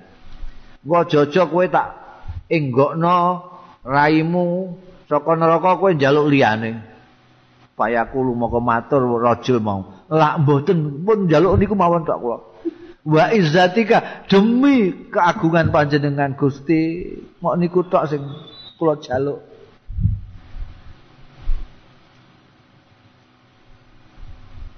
Payak wayukti mongko paring sapa Allah Gusti Allah azza wa jalla maing barang saa sing karep ya rajul.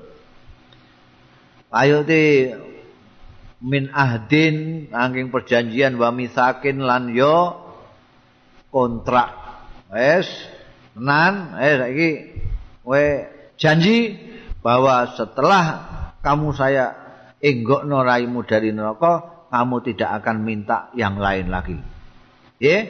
Nggih. Eh perjanjian ya. Cara saiki ini ana tanda tangan MOU barang Barang wis gelem manut janji payas ribu. Mongko ngenggokake sapa Allah Gusti Allah azza wa jalla wajahu ing raine wong lanang mau rajul anin nari saking neraka dienggokno dadi wis ora mampu meneh ya ora kena bulat-bulate geni. Bareng dienggokno ngadepe genti ning gone swarga. Wa iza aqbala bi alal jannah bareng diadepno bi kelawan rajul mau alal jannah ing atase swarga ro'a ningali sapa rajul mau bahjata ing keindahane swarga. Oh, sakata terus slemengeren ini. Sakata terus meneng sapa rajul mau, Masya Allah ayaskut. Ing barang seakan kersa sapa Allah ayaskut yen to kendel sapa rajul. Meneng terus suwe ngene. Masya Allah, apike kok ngono cah swarga. Eh, Sumakola mau keri-keri matur sapa rajul mau? Ya Rob do Gusti.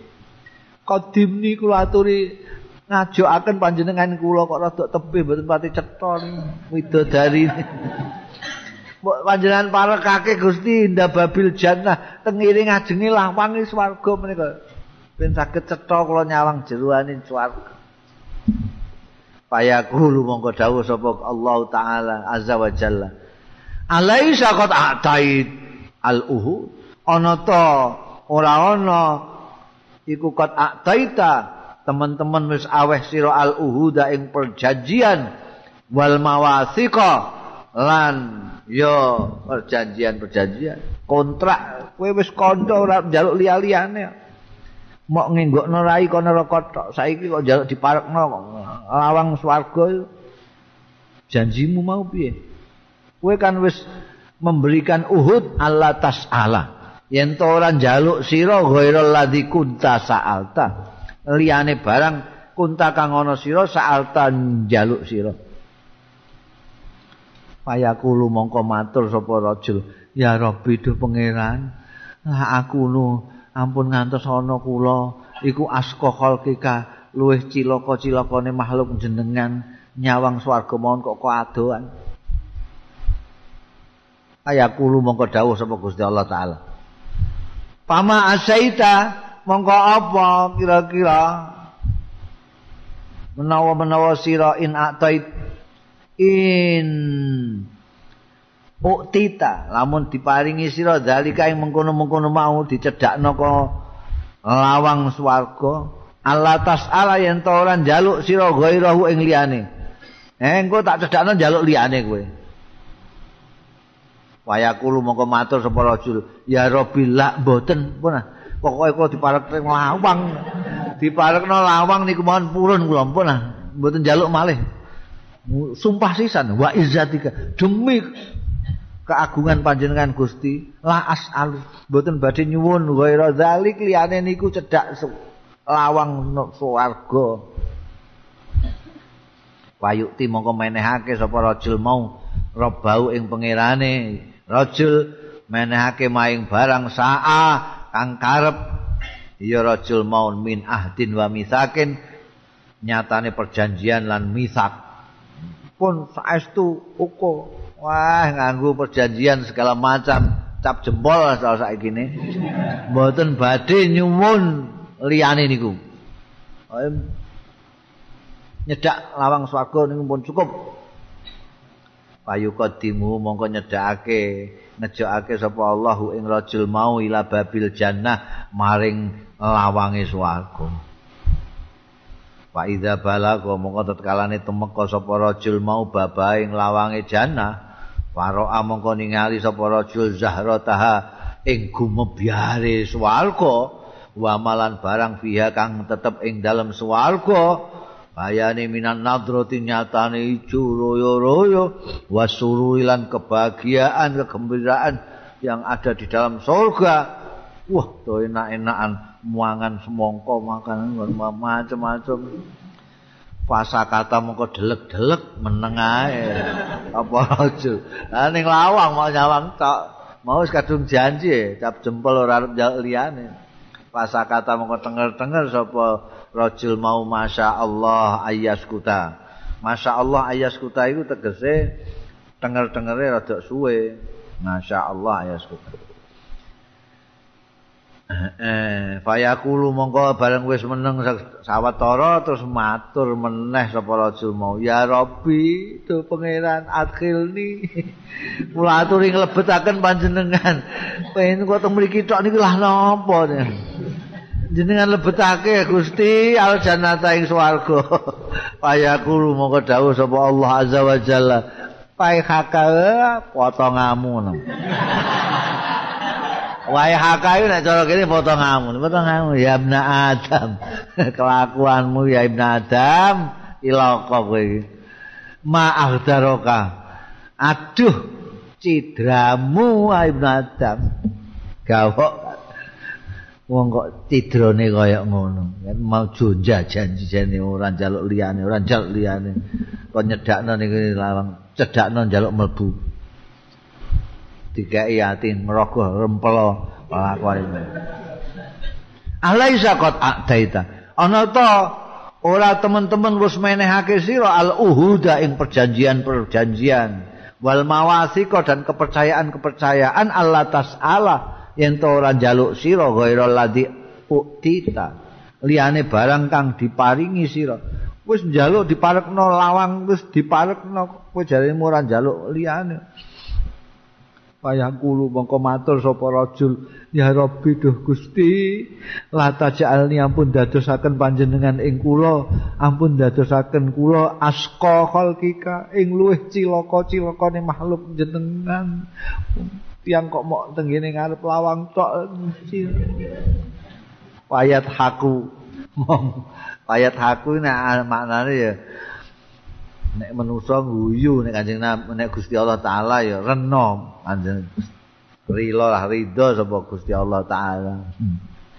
Guyu. Ana wong kok sing ngene ya Allah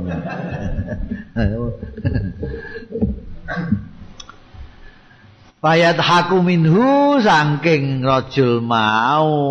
Sumaya dan Allah lahu. Murai Gusti Allah taala ya. Sumaya dan mongko keri-keri. Ngizini sapa Allah. Lahu marang rajul mau fituhulil jannati ing dalem mlebu swarga.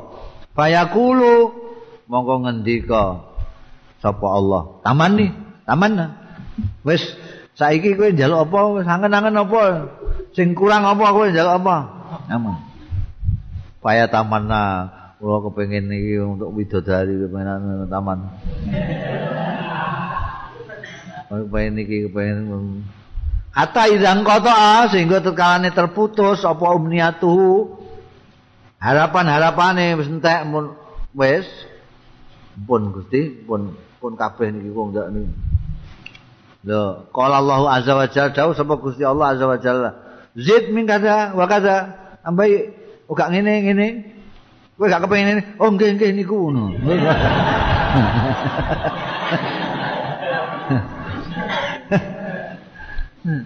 Akbar yuzakiruhu rabbuhu hatta idzan tahat. Dadi madhep dilingno karo Gusti Allah. Gak kepengin iki. Oh nggih nggih. Iki gak. Ngelingno sop. Bu ing rajul sapa rebu pangerane mau. Hatta idzan tahat hatta idzan tahat sehingga tetkalane wis entek bi. Kelawan rajul mau apa al amaniyu? Apa keinginan-keinginan? Apa yang diinginkan semua sing ini gak kelingan dielingno karo Gusti Allah. Iki kowe gak kepengin? Oh nggih nggih ranjam anu kencana nggih nggih. Ngono nggih. Daraan anu nggih omah nggih. Kabeh wis bang wis. Wis kabeh wingine kabeh dituruti Gusti Allah. Kala dawuh sapa Gusti Allah taala. Laka zalik iku kedue sira.